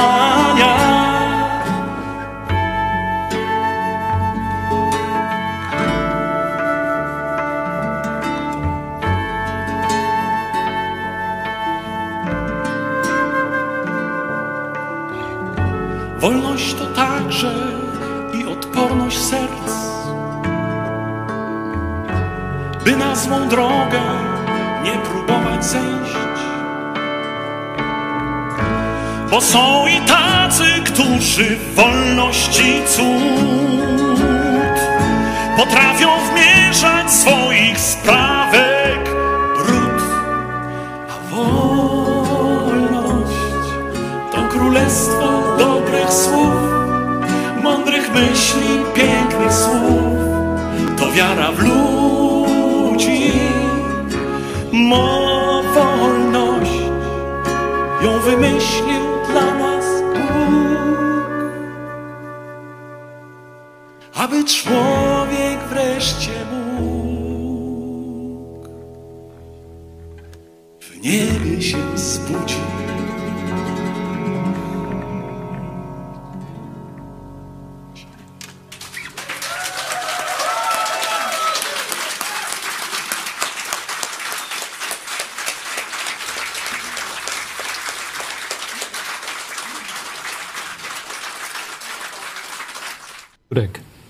do Jurka Dajuka, jego małżonki i całego zespołu przyjaciół z różnych stron Polski.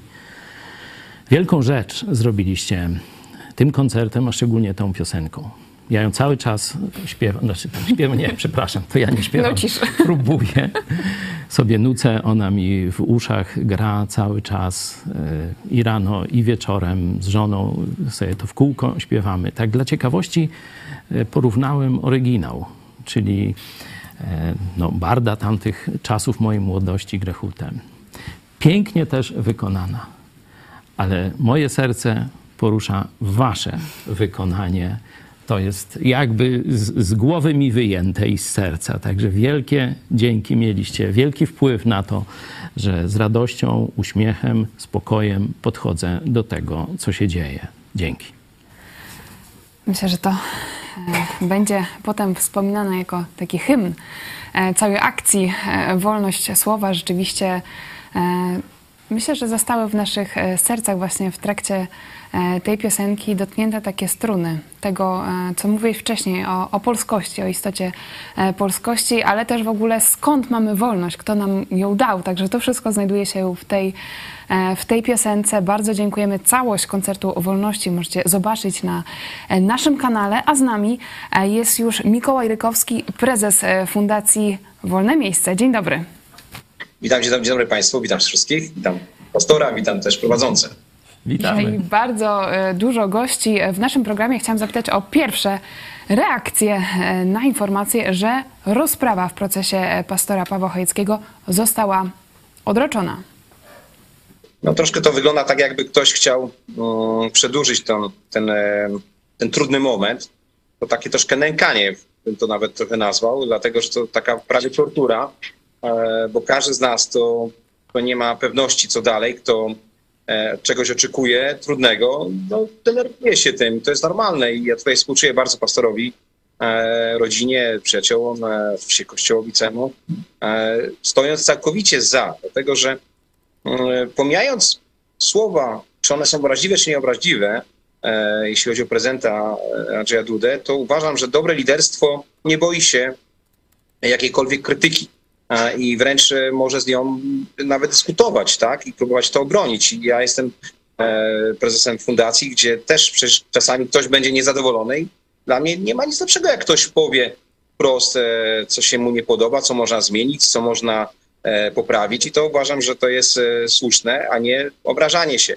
E, a na pewno nie karanie za to, bo to nie było aż tak w moim przekonaniu słowa wymagające kary.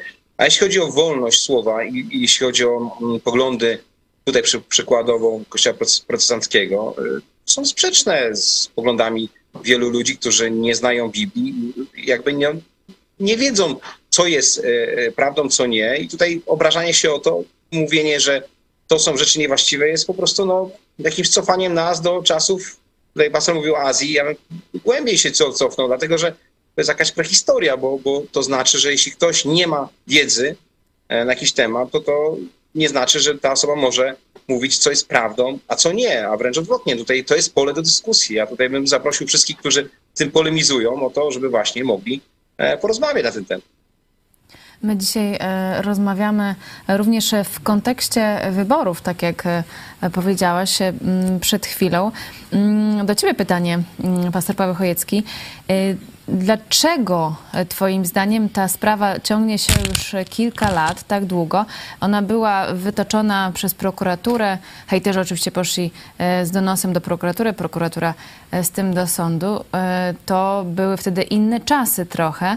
No a teraz, czy, czy może Twój proces jest niewygodny dla, dla obecnej władzy i dlatego nie wie, co z Tobą zrobić? Jakie są Twoje tutaj przewidywania? Tu nie miejsce na przewidywania, tu na twarde fakty, bo ci hejterzy, oni się zmawiali w internecie, co chcą nam zrobić. Najpierw stosowali różne groźby karalne e, i no, część tych gruźb y, nie wiemy, ale no, różne brzydkie rzeczy nam się działy. To już jest historia.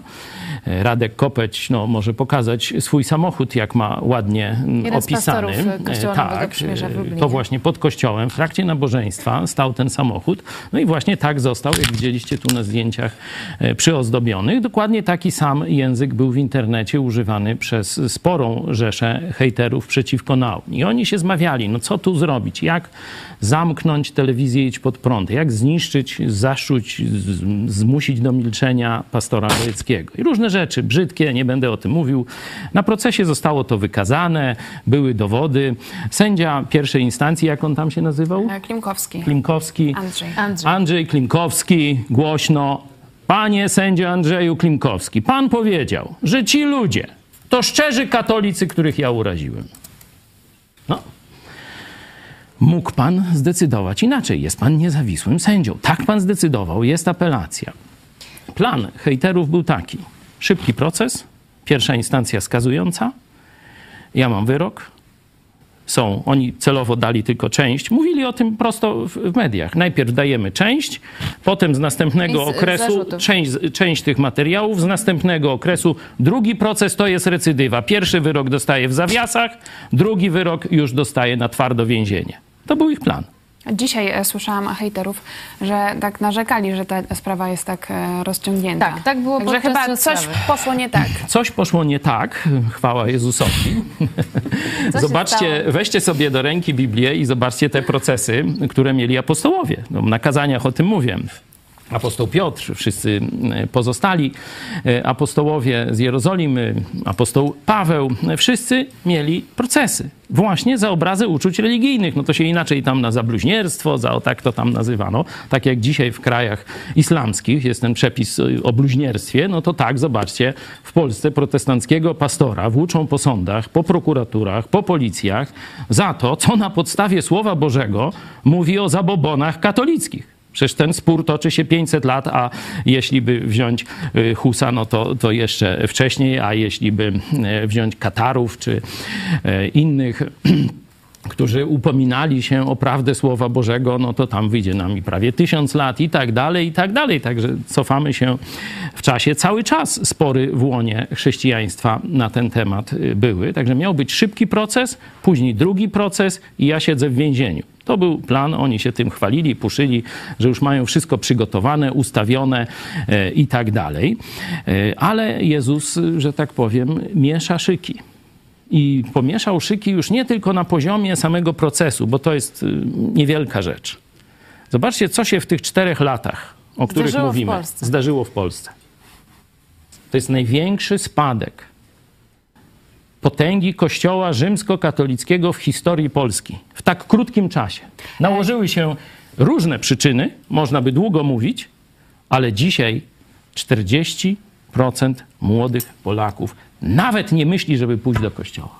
E, Kiedy mówi się, że e, Rewolucja duchowa. pastor Chojecki jest e, sądzony za krytykę Kościoła katolickiego, to bardzo często u młodych ludzi właśnie to jest ten moment, kiedy oni mówią, o, no to będziemy to oglądać. Także bardzo, bardzo się zmieniło polskie społeczeństwo przez te ostatnie kilka lat i właśnie w tym kontekście też zmian społecznych, ale też, też tego, co teraz widzimy, zmian politycznych, że ludzie raczej mają nastawienie, że e, władza w Polsce się zmieni. Na co powinniśmy się e, nastawić na te kolejne miesiące, również jeśli chodzi o e, proces e, pastora Chojeckiego? Przypomnijmy, kolejna rozprawa zaplanowana jest na 13 dzień e, kwietnia. Może na początku były ksiądz Jurek. Y, No, y, tak jak powiedziałem wcześniej, mam dobre spodziewania, że Bóg nam da wykorzystać tą sprawę do mówienia o ważnych rzeczach. Y, Chociażby y, do wywołania dyskusji na temat tych paragrafów wątpliwych, o których wspominał y, profesor wcześniej. Y, Mam na myśli obrazy uczuć religijnych i mowę nienawiści. No przecież to jest śmieszne z punktu widzenia prawnego. Coś, co nie można zdefiniować, znajduje się w prawie karnym. To jest, jest absurdalne. Y, Więc dobry moment, żeby mm, na ten temat y, wywołać dyskusję. Na temat y, samej w ogóle wolności słowa, żeby już nie było odwrotu, do, czy to w stronę inkwizycji, czy w stronę orwellowskiej wizji komunistycznej, ponurej. Żeby do głowy nikomu w Polsce nie przyszło e, taki scenariusz. To dobry moment, żeby, żeby poszerzyć i, i raz na zawsze odsunąć niebezpieczeństwo zniesienia wolności słowa. Chrześcijanie ewangeliczni mogliby tutaj włączyć się e, w wyraźne głoszenie, wykorzystać również tą sprawę do otwartego mówienia. E, Nie tylko językiem takim uładzonym, grzecznościowym, e, poprawnym politycznie, ale, ale dobitnie wyraźnie. E, Także no, widzę pewne szanse e, do wykorzystania. No właśnie. e, Pytanie również e, do Joe Łosiaka, e, protestanckiego misjonarza, który mieszka w Ameryce. Mm, Dlaczego chrześcijanie, protestanci e, boją się tego ostrego języka, który przecież niejednokrotnie występuje w Piśmie Świętym, a są tacy uładzeni, dyplomatyczni? Jak to jest? Jak pan to widzi z, z perspektywy e, chrześcijanina?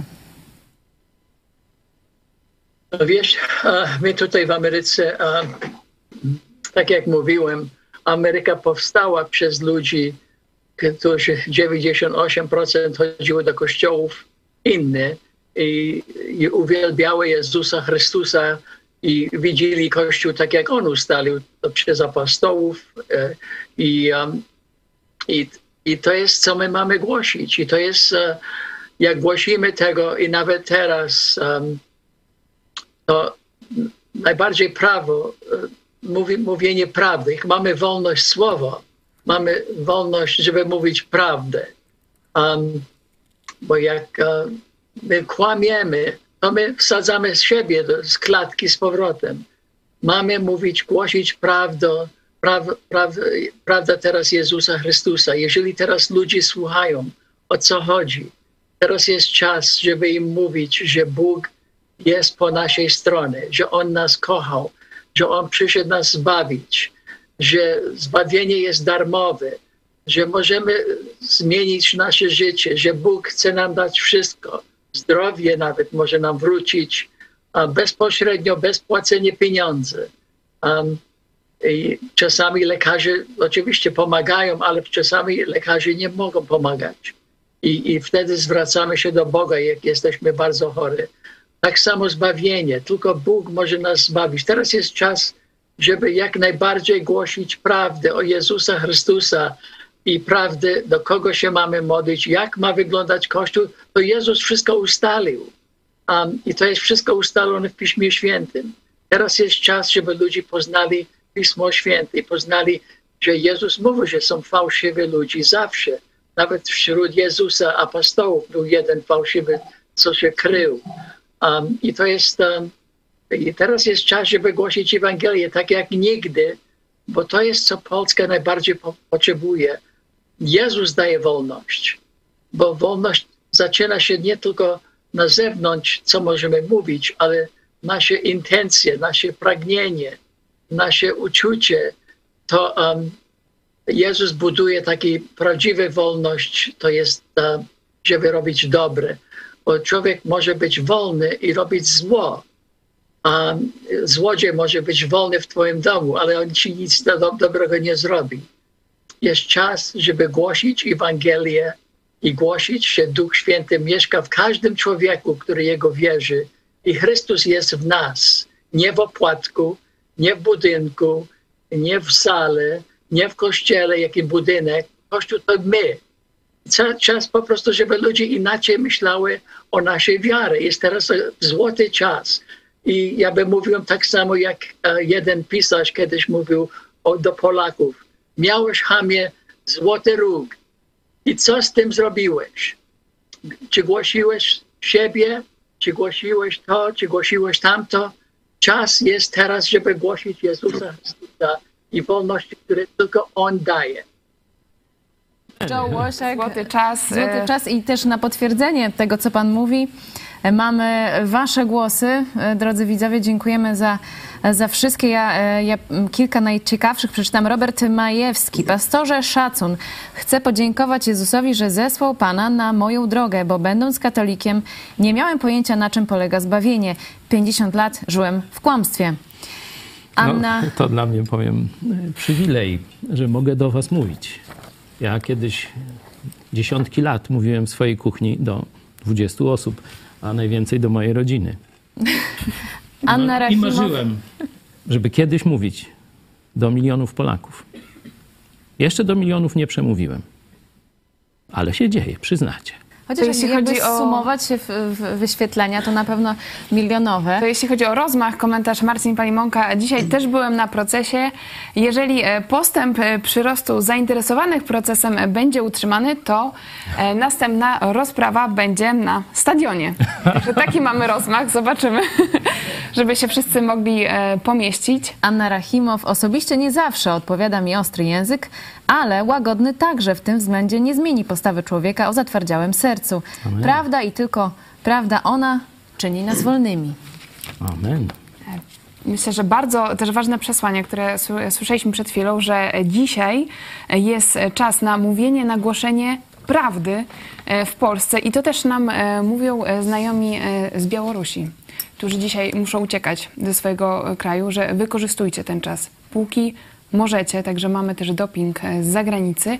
Ja chciałam jeszcze zapytać, jest z nami e, Mikołaj Rykowski e, z Fundacji e, Wolne Miejsce. Jakie są e, Pana przewidywania, jeśli chodzi o ten proces? Czego możemy się e, spodziewać 13 kwietnia? E, Moje przewidywania są bardzo dobre, dlatego że ja wierzę w to, że Pan Bóg stworzył świat i On jakby kieruje nami po to, aby mm, to, co właśnie przed chwilą też przedmówca tutaj ze Stanów Zjednoczonych powiedział, jest czas głoszenia Jezusa Chrystusa, czas przypomnienia wielu ludziom, a czas, czasami też mm, oświecenia wielu ludzi, e, kim jest Bóg. Naprawdę. Nie Bóg religii, nie Bóg kościoła, nie Bóg, tak jak wcześniej wspomniał, już był ksiądz Opłatka, czy czegokolwiek innego, co jest e, materialne, tylko Bóg stworzyciel ziemi. I ja tutaj ja czytam codziennie Biblię. Dzisiaj rano czytałem w Dziejach Apostolskich w trzecim rozdziale historię, gdzie Piotr i Jan idąc zobaczyli chromego człowieka i powiedzieli, no nie mają srebra, nie mają złota, ale, ale mogą modlić się o niego, modlili i on został uzdrowiony. Potem głosili e, Ewangelię, bo ludzie byli tym zainteresowani, że człowiek chromy nagle chodzi, skacze i śpiewa. Mm, I za to zostali zamknięci przez e, noc, tam był późny wieczór, byli w więzieniu, ale kiedy rano zostali mm, no, jakby dopuszczeni do głosu, to zwróćcie uwagę, że e, taki fragment z czwartego rozdziału, 18 wiersz, słuchajcie, przywołali ich potem i zakazali im w ogóle przemawiać i nauczać w imię Jezusa. Lecz Piotr i Jan odpowiedzieli, rozsądźcie, czy słuszne jest w oczach Bożych bardziej słuchać was niż Boga? Bo my nie możemy nie mówić tego, cośmy widzieli i słyszeli. Oni zaś ponowili groźby, a nie znajdując żadnej podstawy do wymierzenia kary, wypuścili ich ze względu na lud, bo wszyscy wielbili Boga z powodu tego, co się stało. Ja jestem dobrej myśli i pastorze e, wierzę w to, że tak jak właśnie w dziejach apostolskich, Pan Bóg stał po stronie apostołów, e, nawet kiedy byli w taki sposób niesłusznie oskarżani, tak jak ty dzisiaj. E, To jest to ku czemuś. Wiele ludzi, tak jak tu przed chwilą słyszeliśmy, e, słyszy od ciebie, słyszy od e, wielu z nas ten głos, że to jest e, niegodziwe, niesprawiedliwe, żeby ludzie zajrzeli do Biblii, żeby wyczytali jaka jest prawda, co Bóg naprawdę e, zrobił, uczynił dla każdego z nas, czyli dał siebie za ofiarę żywą, żebyśmy mieli możliwość życia wiecznego mieć, e, aby wielu tam zajrzało. Być może to jest ku temu. Ja wierzę, że tak jak tutaj koniec tej opowieści w dziejach apostolskich czwartym rozdziale jest dobry, że oni już nie wiedzieli, co z nimi zrobić i w końcu ich wypuścili. Ja myślę, że tak ten proces się zakończy, bo nie sądzę, żeby ktoś chciał dzisiaj z obowiąz- obowiązujących polityków, którzy dzisiaj rządzą krajem, chcieć mieć takiego e, więźnia politycznego, religijnego, kogoś, kto będzie, no powiem szczerze, naprawdę w historiach świata się zapiszesz, nie tylko historia Polski, bo to jest e, totalny ewenement. Ja osobiście nie mogłem w to uwierzyć, że mogli cię o to oskarżyć. E, To jest rzecz niemożliwa, e, tak naprawdę z punktu widzenia zdroworozsądkowego człowieka. Ale jeśli tak się stało, to pan, pewnie Pan Bóg ma jakiś cel. Ale wierzę, wierzę w to, że to będzie wielka wolność z wielkim zwycięstwem i z wielkim, można powiedzieć, świadectwem dla wielu, którzy to obserwują. No, Dzięki. E, Dzięki Mikołaj. Oczywiście pozdrawiamy też wszystkich wolontariuszy Fundacji Wolne Miejsce. Zrobiliście naprawdę przemeblowanie w naszym życiu, ale to już mówiłem wielokrotnie. Wielki szacun i podziękowanie, że włączyliście nas też w te akcje pomagania ludziom samotnym. To niezwykły przywilej, niezwykłe doświadczenie. Mieliśmy w Wigilię e, okazję już tego nie tylko zrobić wywiad z tobą, czy opowiedzieć twoją historię, ale być częścią tej historii. Także dziękuję wam wszystkim. I wyobraź sobie, że od paru dni właśnie całkowicie idąc tak po kolei przez Ewangelię Łukasza i teraz w dziejach apostolskich, dzisiajśmy dokładnie ten sam fragment czytali. No to potwierdzenie. Amen.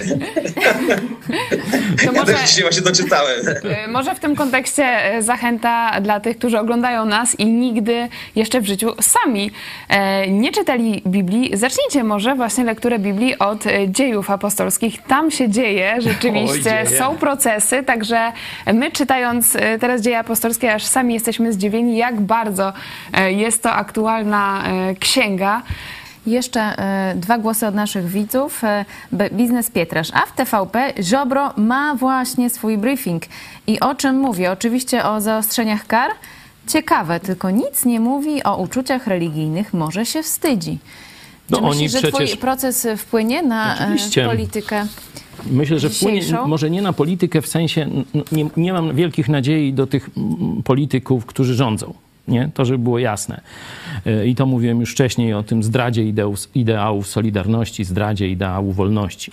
Ci ludzie tego absolutnie nie rozumieją. Oni się, można powiedzieć, do władzy, do konfitur, do koryta dopchali na grzbiecie Polaków, ale z wolnością, z etosem polskim nie mają nic wspólnego, ale mam nadzieję, że to obudzi świadomość narodową, że to dotrze do Polaków, że nie mamy jeszcze wolnego państwa. To jest rzeczywiście moja wielka nadzieja, moja modlitwa. Oprócz tego, żeby Ewangelia o darmowym zbawieniu dotarła do każdej polskiej strzechy, pod każdą polską strzechę, to żeby też ludzie, którzy tęsknią za dobrym państwem, żeby zobaczyli, w jakim państwie żyjemy i żeby powiedzieli dość.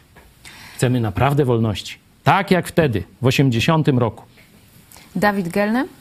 Pastorze, tak po ludzku, jak znosisz presję całej sytuacji? Nie boisz się groźby zamknięcia waszej telewizji? Uff, tam czego ja się boję? Różnych rzeczy się boję. Nie. Ale tego akurat nie. Tego akurat nie, bo myślę, że gdyby to, była taka, gdyby to były lata 80., komuniści, nie byłoby internetu, no to, to, to oczywiście by nas szybko zamknęli, spacyfikowali i tak dalej. E, Dzisiaj e, po pierwsze jest internet. Już nie mówię teraz o tym, wiecie, pionowym, wertykalnym y, wektorze, czyli o wsparciu, opiece Jezusa Chrystusa, ale o tych zjawiskach społecznych. Zobaczcie, że w tym fragmencie z dziejów, który y, tu Mikołaj cytował, tam wyrok sądu był taki, ponieważ bał się presji ludu. Bał się presji ludu. Lud wiedział, gdzie jest dobro i zło. No i sąd też się dowiedział. Patrzcie, jakie to Dzisiaj proste. może być podobnie. Mówimy, Ja, mówimy. e, ja liczę na to, że to obudzi Polaków.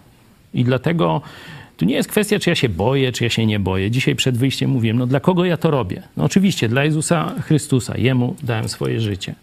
On za mnie umarł. On przebaczył mi wszystkie grzechy. Jestem zbawionym człowiekiem. Już nic mi nie mogą zrobić, nie? Nawet jakby mnie zabili, no to idę do nieba, nie? E, Także tu jestem bezpieczny. Ale myślałem sobie o tych pokoleniach, na które mam wpływ, czyli pierwsze to wy, moje dzieci, nie? Tymoteusza też ściskam. E, Dzisiaj wystąpił w. Współmałżonków. Tak, też wy- wystąpił w sądzie. Także był jako prowadzący. Mam już też poszerzoną rodzinę. Ty masz męża, Tymek ma żonę. Ale pomyślałem też o, o następnym pokoleniu. O tych, którzy niedawno się nauczyli mówić. Nie, mój wnuk mnie pozdrawiał przed wyjściem na rozprawę, żeby no, wyprawa na smoki, na złaki. Tak, on jeszcze to rozumie. To, co my dzisiaj robimy, to się nie ma co przejmować, czy tam no, no jest cierpienie, są tam różne nieprzyjemności, jest y, może jakieś zgorzknienie niekiedy się próbuje pojawić, ale co będziemy gadać o nastrojach, o uczuciach? Niech sobie wiecie kto. O uczuciach. My kochamy Jezusa. My kochamy Polskę. Kochamy nasze dzieci i wnuki.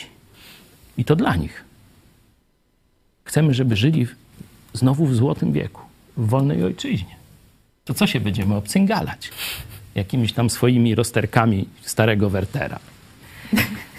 Mówicie e, o, o presji, e, presji ludu, presji ludzi, której e, boi się władza i chciałam na koniec też oddać głos tym, którzy byli w sądzie i zapytać was osobiście, może macie jakieś myśli, bo zaraz się rozjedziemy, pojedziecie w różne strony Polski, ale w jaki sposób ta sprawa, ten proces pastora Pawła Chojeckiego wpływa lub nawet już zmienił wasze życie? Czy chcecie podzielić się waszymi myślami? A zanim e, myśli z sali, chwila na e, zastanowienie. Dziękujemy e, serdecznie panu Mikołajowi Rykowskiemu. Pozdrawiam cię, Mikołaj. Ja pozdrawiam Wielkie też dzięki. was wszystkich. I to jest niesamowite, że czytaliśmy dzisiaj ten sam fragment. E, Ja się tam zaznaczam po kolei, E, więc to niesamowite, że facet w Katowicach i wy w Lubinie. e, To znaczy, że Duch Święty nad tym ma kontrolę. To znaczy, że my dalej żyjemy w czasach dziejów apostolskich. Także tworzymy dalej dobre dzieje, pastorze. Ja wierzę, że będzie dobrze. Niech was Bóg błogosławi. Tak, Trzymajcie się. Wzajemnie. Pozdrawiam. To nie, nie jest przypadek, albo jak mówi młodzież, przypadek? Nie sądzę. Nie sądzę. E, I odpowiedzi z sali my już będziemy kończyć, drodzy Państwo. Szkoda. No, no, no szkoda, ale, Ale jeszcze widzimy się o 17 i 18, programy także... dzisiaj w telewizji. A jutro A jutro Jutro, ale będzie się działo. Jutro Mamy to tam maraton. Do nocy będziemy siedzieć. Od kilku dni nie wychodzimy ze studia. Prosimy Ale to bardzo. sami sobieśmy taki los wybrali i modliliśmy się o to, żeby mieć do kogo mówić. No i mamy, chwała Bogu. Głosy z sali, ostatnia szansa. Tak, dzisiaj bardzo fajnie y, w sądzie było, bo człowiek tak generalnie zawsze jakiegoś, nie wiem, czy ma stres, a czy jakieś to jest takie e, dziwne wydarzenia. Tutaj między swoimi e, bardzo takie e, budujące doświadczenie wspólnoty. No i też chciałem podziękować, bo właśnie miałem trochę e, braków w tych codziennych pro, programach, to dzięki sądowi nadrobiłem te braki. Także można było sobie e, przypomnieć najlepsze momenty e, w telewizji. Idź Best pod prąd, best of. Ktoś jeszcze? Ja w sumie chciałam powiedzieć, że e, nigdy nie mieszkałam w Polsce, dopiero mieszkam od paru miesięcy. I Nigdy nie myślałam, że będę mieszkać w Polsce. Zawsze widziałam Polskę jako taki właśnie kraj, który jest bardziej zamknięty. Widziałam, co się właśnie dzieje, słyszałam, co się dzieje i trochę mnie to, no bałam się trochę tego, ale właśnie widząc e, wszystkich nas, którzy cierpieli na, na procesie, e, widząc e, to, co, co potrafimy zrobić jako, jako Kościół, to właśnie daje mi nadzieję i daje mi też nadzieję, że, że możemy zmienić Polskę i że to jest coś, co, co jest realne. Także dziękuję. Dzięki Kasiu. My rzeczywiście bardzo też tutaj w Polsce potrzebujemy ludzi też z oceanu, którzy patrzą z takim no, świeżym okiem na różne absurdy, które widzimy w Polsce, także e, się bardzo cieszymy, e, że jesteś z nami i e, też dzięki takim osobom jak ty, e, które przemierzyły cały ocean, żeby znaleźć się tutaj w Polsce, e, mamy nadzieję, że będzie trochę inaczej w naszym kraju. Prosimy. takie uczucie brania udziału w czymś historycznym, o czym e, mam nadzieję, jak Bóg da, e, będę mogła opowiadać swoim wnukom, które też, jak Bóg da, będą żyły wtedy wolnej Polsce. I e, dzisiaj po e, rozprawie, jak żeśmy się modlili, a ludzie przystawali i słuchali, słuchali pastora, słuchali naszych modlitw. To, że możemy się modlić, że możemy publicznie świadczyć o swojej wierze, to jest też kwestia tego, że jeszcze mamy tą wolność, wolność słowa, więc mam nadzieję, że Polacy będą coraz szerzej rozumieli i że na następnej rozprawie to naprawdę stanie za nami mur nowych osób. Dziękujemy serdecznie za te e, głosy. Myślę, że tak jak mówiliśmy, już będziemy się powoli mm, e, zmierzać, będziemy ku końcowi, ale jeszcze chciałam zapytać e, mm, byłego księdza Jurka, dziś pastora, mm, co by dzisiaj pan chciał powiedzieć e, pastorowi e, Pawłowi Chojeckiemu, bo już Mikołaj Rykowski miał tę okazję, ale jeszcze chciałam was zapytać, jeżeli później jeszcze Joe Łosiak, a najpierw były ksiądz Jerzy. Pawle, niezmiernie jestem z Tobą, jesteś wolnym człowiekiem, możesz mówić otwarcie o swoich E, najgłębszych przekonaniach, o tym, do czego jesteś przekonany i to głosić. I o to będziemy wspólnie walczyć, żebyśmy mogli to robić e, w kraju. I chciałbym, żebyśmy zaczęli się modlić o to, o co Jezus mówił, e, aby Bóg posłał wielu pracowników na swoje żniwo. Aby wiele takich osób stanęło, bo Polska tego potrzebuje tak jak upadała komuna, widzimy na naszych oczach, upada e, katolicyzm, Kościół katolicki. O to modliliśmy się i o to się dzieje. Mm, a więc e, wykorzystajmy to i módlmy się o to, żeby Bóg posłał e, pracowników do tego dzieła. Dzięki, dzięki wielkie, Jurku. Mówię, no ty byłeś pierwszym pastorem z, spoza naszego środowiska. Ile to już lat temu, pamiętasz? Kiedy pierwszy raz do nas przyjechałeś? Nie wiem, już straciłem rachubę. Tak to gdzieś 6-7 na pewno, dużo. E, także wielka zachęta, oczywiście e, zawsze też Twój udział w naszych programach jest budujący. E, twoje ostatnie kazanie to tam 7 tysięcy wyświetleń, takie, które, gdzie też zwracasz się do byłych księży, przepraszam, jeszcze nie byłych. To czekamy. Tu przy okazji powiem Wam, że uruchomiliśmy wraz z Jurkiem, byłym księdzem, dziś pastorem, taką inicjatywę, by ci, którzy nie mieszczą się już, nie mają dość zakłamania, kłamania, fałszu, kłamstwa, zdrady Jezusa w Kościele katolickim, e, ci, którzy są jego funkcjonariuszami dzisiaj, czyli księża i zakonnice i zakonnicy, jeśli chcecie odejść, nie macie gdzie się podziać, to mamy już dla was przygotowany ośrodek, gdzie przez kilka miesięcy otrzymacie, jak to się mówi, wikt i opierunek. Waszym duszpasterzem będzie były ksiądz Jurek, także rozumie sprawę, wie przez co przechodzicie. Także piszcie do nas, możecie jakimiś tam tajnymi sposobami, żeby was tam nie nakryli i nie prześladowali, czy wam krzywdy nie zrobili jakiejś. Kontaktujcie się z nami, jesteśmy gotowi wam pomóc. Już jednej zakonnicyśmy pomogli, czyli to nie są słowa, które rzucam na wiatr. Ale tak ci powiem, że ja dzisiaj rozmawiam e, z kolejnym e, byłym księdzem, dziś e, pastorem, który również modli się za ciebie, wspiera, także mam nadzieję, że wystąpi w kolejnym E, odcinku e, programu Kapłan na rozdrożu. Dzisiaj e, widzieliście no, cały bukiet osób, które wspierają pastora Pawła Chojeckiego i co nas szczególnie cieszy ze środowiska protestanckiego, ale był wymieniony Joe Łosiak, dzięki któremu też no, nastąpił taki przełom. Także na koniec oddajmy głos, jest z nami Joe Łosiak. Co by Pan chciał przekazać na koniec pastorowi Chojeckiemu, bo zapowiada się, że w tym roku E, walka o wolność słowa trwa dalej. No, oczywiście ja tak e, już dawno nie mam, e, mam, mam jak ja przyjechałem do Polski pierwszy raz w 1974 roku, to, to nie, nie lubiało, jak ja mówiłem i mówiłem, i, ale mówiłem dalej i wtedy chyba broniło mi ten, ten fakt, że Gerek wtedy, wtedy bardzo potrzebował pieniądze od Ameryki i oni zostawili mnie e, w wielkim spokoju, ale chcieli mi pozbyć się ze mną. Ja by tylko mówiłem to, że wolność słowa musi wiązać się z wolność duchem i wolność z myśli i wolność naszej osobowości, bo każdy człowiek musi być wolnym i tylko może być wolnym w Jezusie, Chrystusie i poznać Jego Słowo. I nawet w Słowie Bożym Jezus jest nazwany Słowem. Słowo stało się ciałem i e, to Słowo e, e, jest opisane jako Bóg, Jakwe. Jezus jest Jakwe, Jezus jest Bogiem. W Polsce też mamy takie okłamywanie, że Jezus nie jest Jakwe, ale tak jest napisane, tak było ogłoszone przez Jana Chrzciciela, Chrzciciela on głosił, przychodzi Jachwę, JHWH, I, i, I to jest tak napisane w Izajasza 43. Mamy teraz wolność, żeby pokazać Jezusa Chrystusa do ludziom w słowie, nauczaniem, w Ewangelii i w naszym e, sposobu e, traktowania innych ludzi, kochanie ludzi um, i mówienie o prawdzie. Um, to jest wspaniały czas teraz w Polsce, żeby głosić Ewangelię.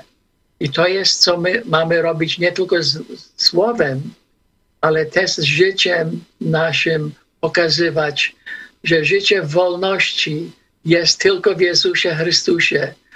I, um, i to jest bardzo potrzebne. Mamy też wroga na wschodzie, Putin, gdzie tam też jest religia, panuje. Religia popiera, a religia tam, Kościół popiera Putina. Także Kościół nie jest odpowiedź na nasze, nasze problemy.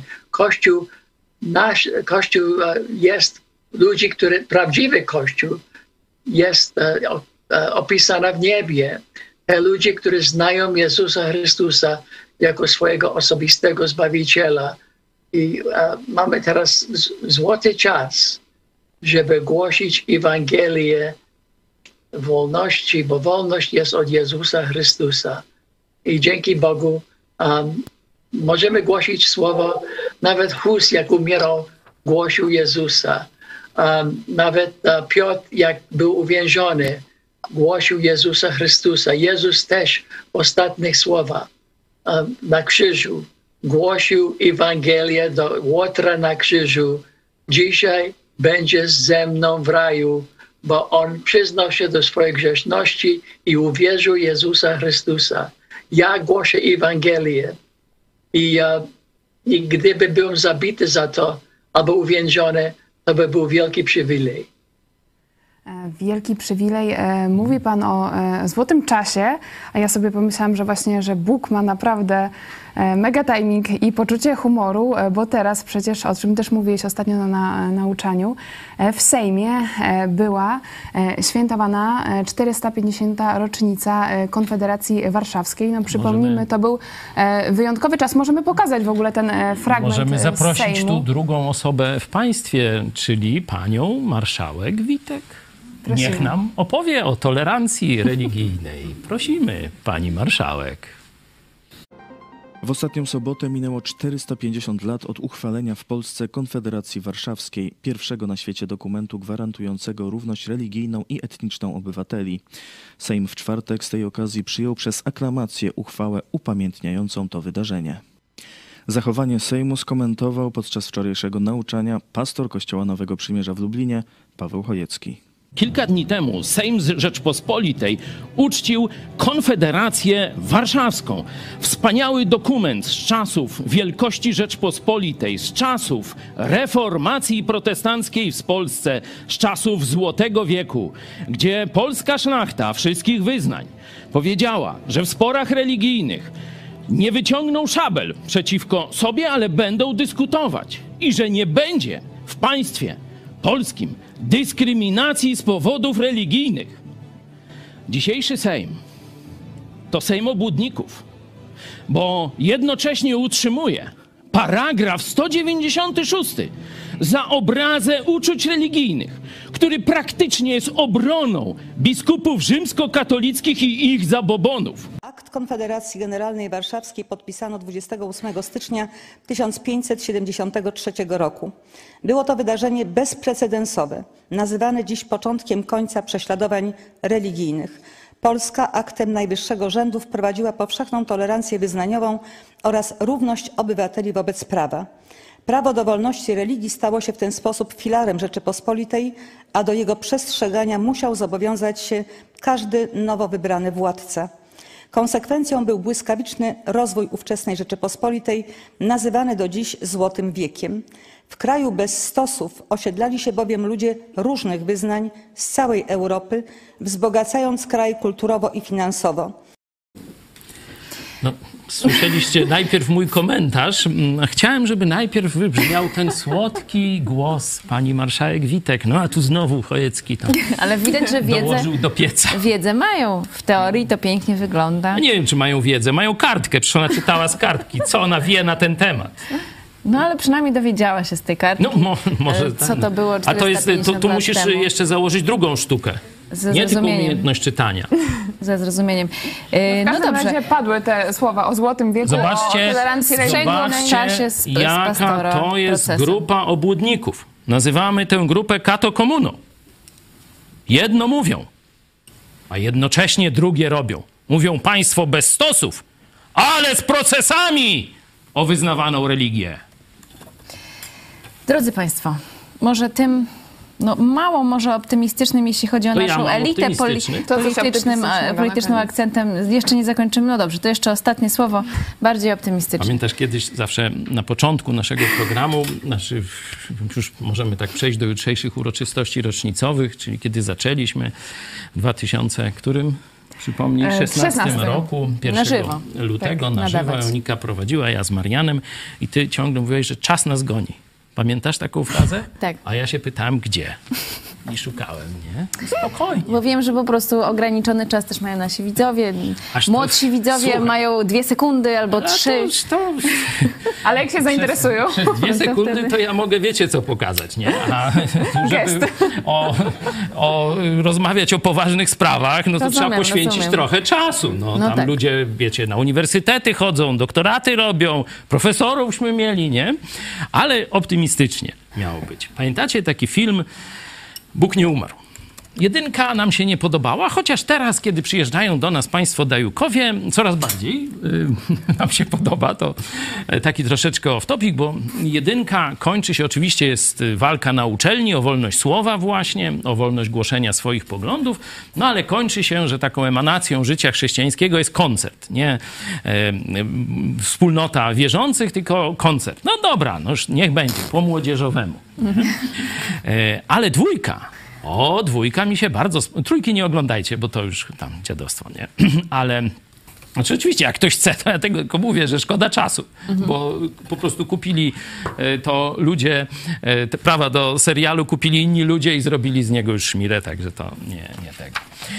Ale dwójka jest super. Dwójka jest super. Chodzi właśnie o, przes- o wolność w przestrzeni publicznej. Nauczycielka publicznej szkoły mówi o Jezusie. I to jest kanwa tego filmu. I kiedy ona jest zaszczuta przez wszystkich tam, e, no, zaatakowana, grozi jej tam y, utrata pracy, zawalenie się życia rodzinnego i tak dalej, i tak dalej. To jest taka scena, którą ja dzisiaj widziałem. Myślałem, że to tylko w amerykańskich Amerykański filmach film. będzie. A no to widzisz. Troszeczkę zmodyfikowana. Cały sąd. Za, na jednym korytarzu, na drugim, przed sądem. Ludzie z takimi planszami. To tam jest ta, ta scena, kiedy ona jest załamana i Bóg jej daje pociechę. Wyżyj przez okno. A tam setki ludzi, tam ze świecami akurat, czy z telefonami komórkowymi, już nie pamiętam, może wy lepiej pamiętacie. To ja dzisiaj tego doświadczyłem. To przeżyłem. Dziękuję każdemu z was. Dziękuję też tym setkom ludzi, którzy się solidaryzują, modlą, na różny sposób wspierają nas tę akcję. To jest naprawdę piękne doświadczenie. Dlatego może się dziwicie, ale ja dzisiaj jestem w skowronkach. to rzeczywiście potwierdzamy i tak było już rano. Od początku brawa.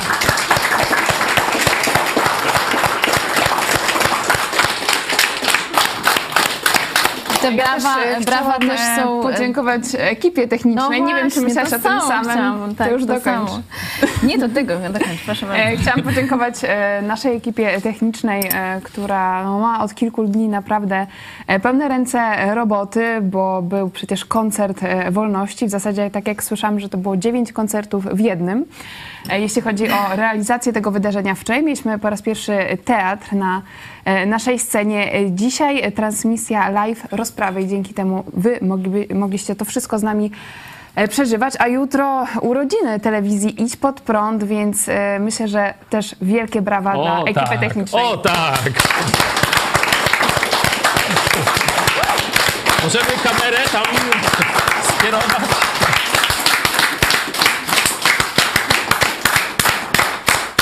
O, teraz Zajrzyjcie tam do nich, do środka. Niech się pokażą. Hej, hej. Nie jest to łatwa sztuka operowanie tak zwanym kranem. No, tutaj widzicie, mamy tak wielkie przestrzenie, nawet Ej, trudno o teraz widać, także e, wielkie dzięki e, dla Was. Pokażcie się proszę, pomachajcie tu Tak, nam. widzimy, że Czarek Kłosowicz cały czas przy pracy.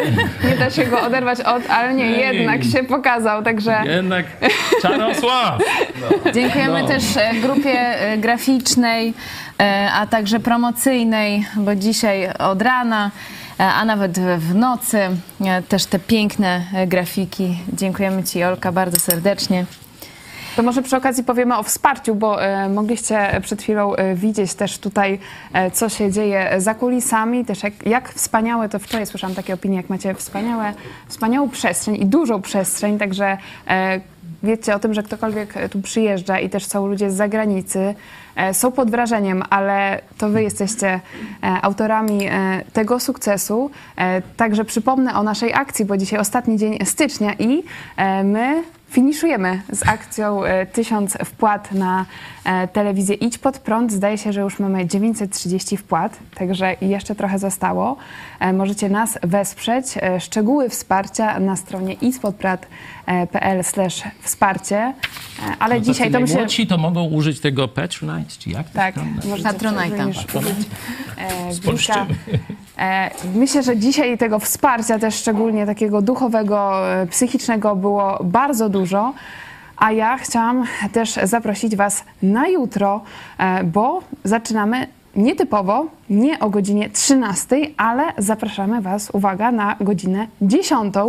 E, Zrobimy live e, z naszego e, codziennego studium Biblii. I co będziemy studiować?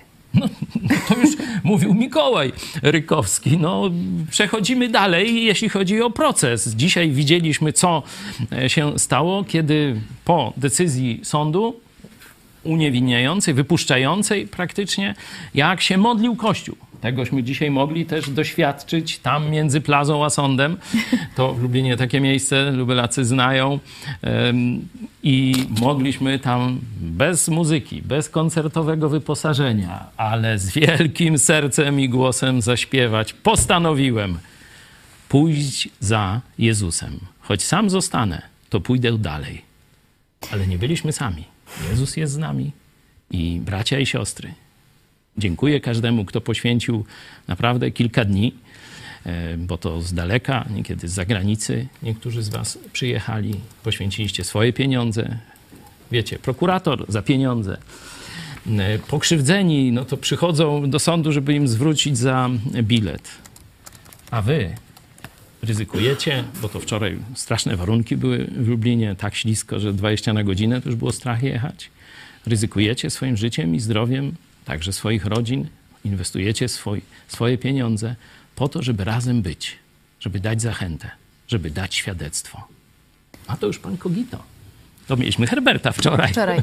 Ten e, mm, fragment Musisz e, dać z, wczo- z dzisiaj spod sądu, zaraz pokażemy wam, jak e, śpiewaliście.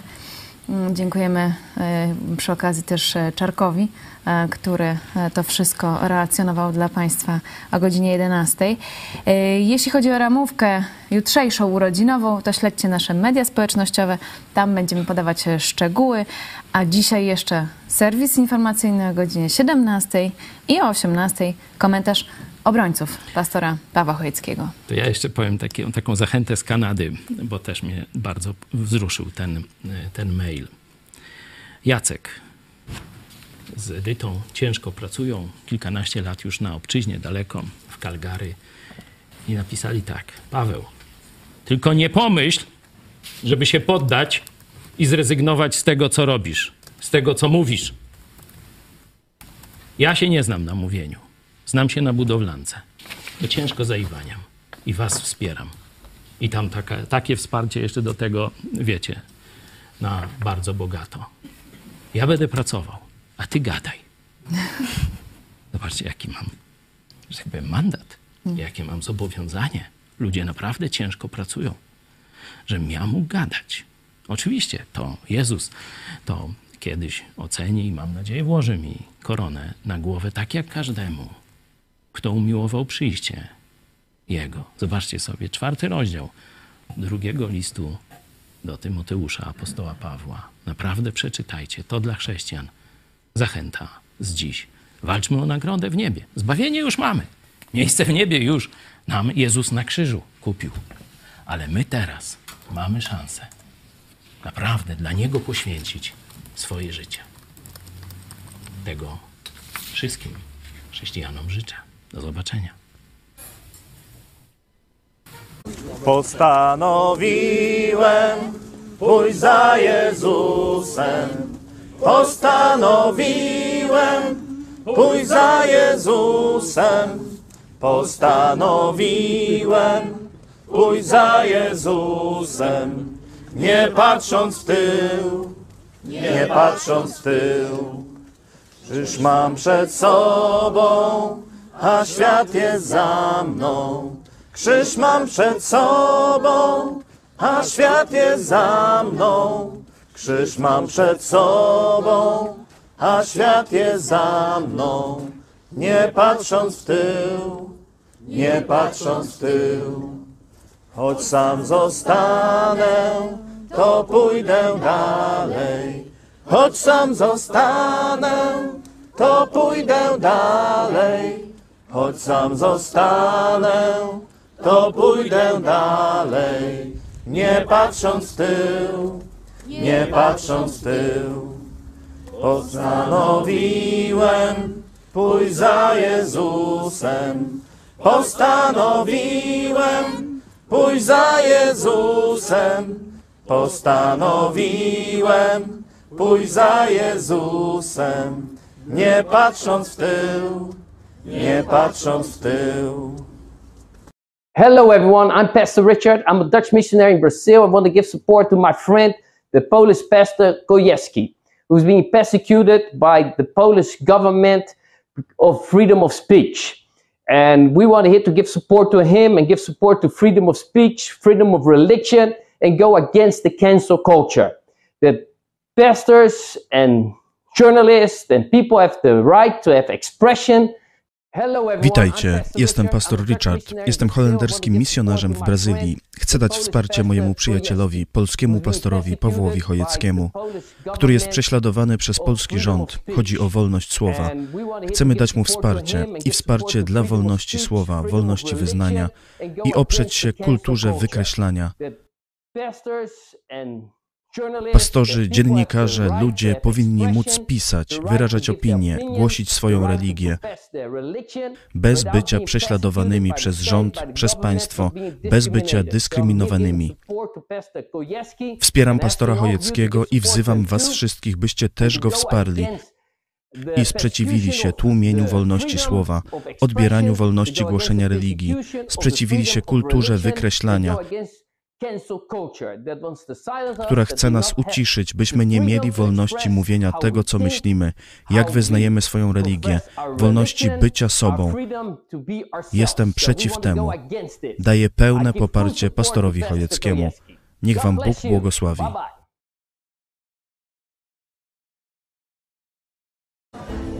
Wsparcie ze strony innych można podzielić na dwa rodzaje. Pierwsze to poklepanie po plecach. Ono jest oczywiście przyjemne, ale nic nie kosztuje. Wyższy, pełniejszy rodzaj wsparcia to jest podoba mi się to, co robisz. Chcę Ci w tym pomóc. No i teraz każdy decyduje, jak chce pomóc. Jeden weźmie udział w kampanii internetowej, drugi zaangażuje się w jakąś pracę w redakcji, trzeci mówi, ale ja Wam mogę pomóc finansowo. Dlatego właśnie jest ta akcja Tysiąc gitar nam gra. Tysiąc osób poświęca swoje pieniądze żeby te kilkadziesiąt osób mogły realizować misję telewizji Idź Pod Prąd, czyli docierać z prawdą do Polaków.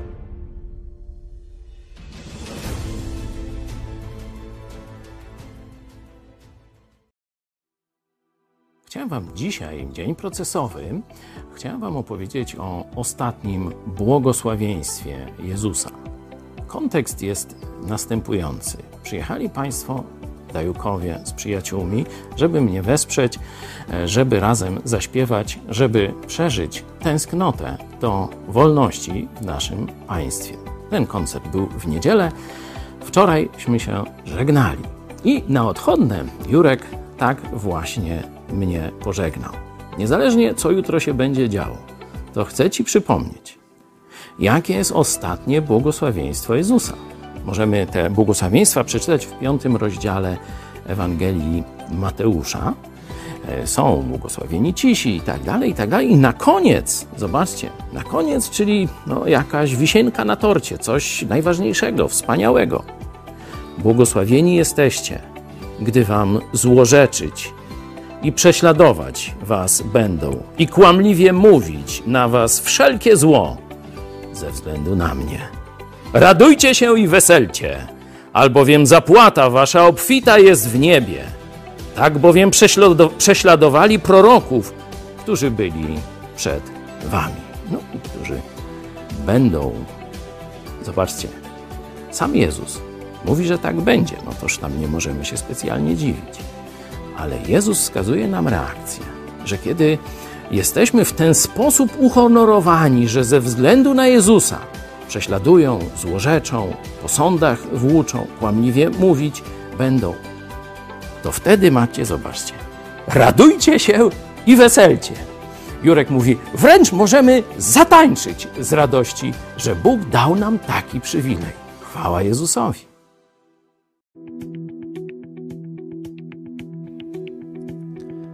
31 stycznia 1976 roku do Kancelarii Sejmu PRL wpłynął tzw. Memoriał 101, pismo podpisane przez 101 polskich intelektualistów protestujących przeciwko planowanym zmianom w konstytucji PRL. Planowano wprowadzić do konstytucji zapisy o kierowniczej roli partii, o sojuszu ze Związkiem Sowieckim oraz o tym, że państwo polskie przestrzega praw obywatelskich obywateli wywiązujących się ze swoich obowiązków. Zapisów tych nie było w Konstytucji, która w roku 1952 została zatwierdzona przez Józefa Stalina. O tym, że zostaną one wprowadzone wiadomo było od września 1975 roku, kiedy ogłoszono je w tezach do siódmego zjazdu PZPR.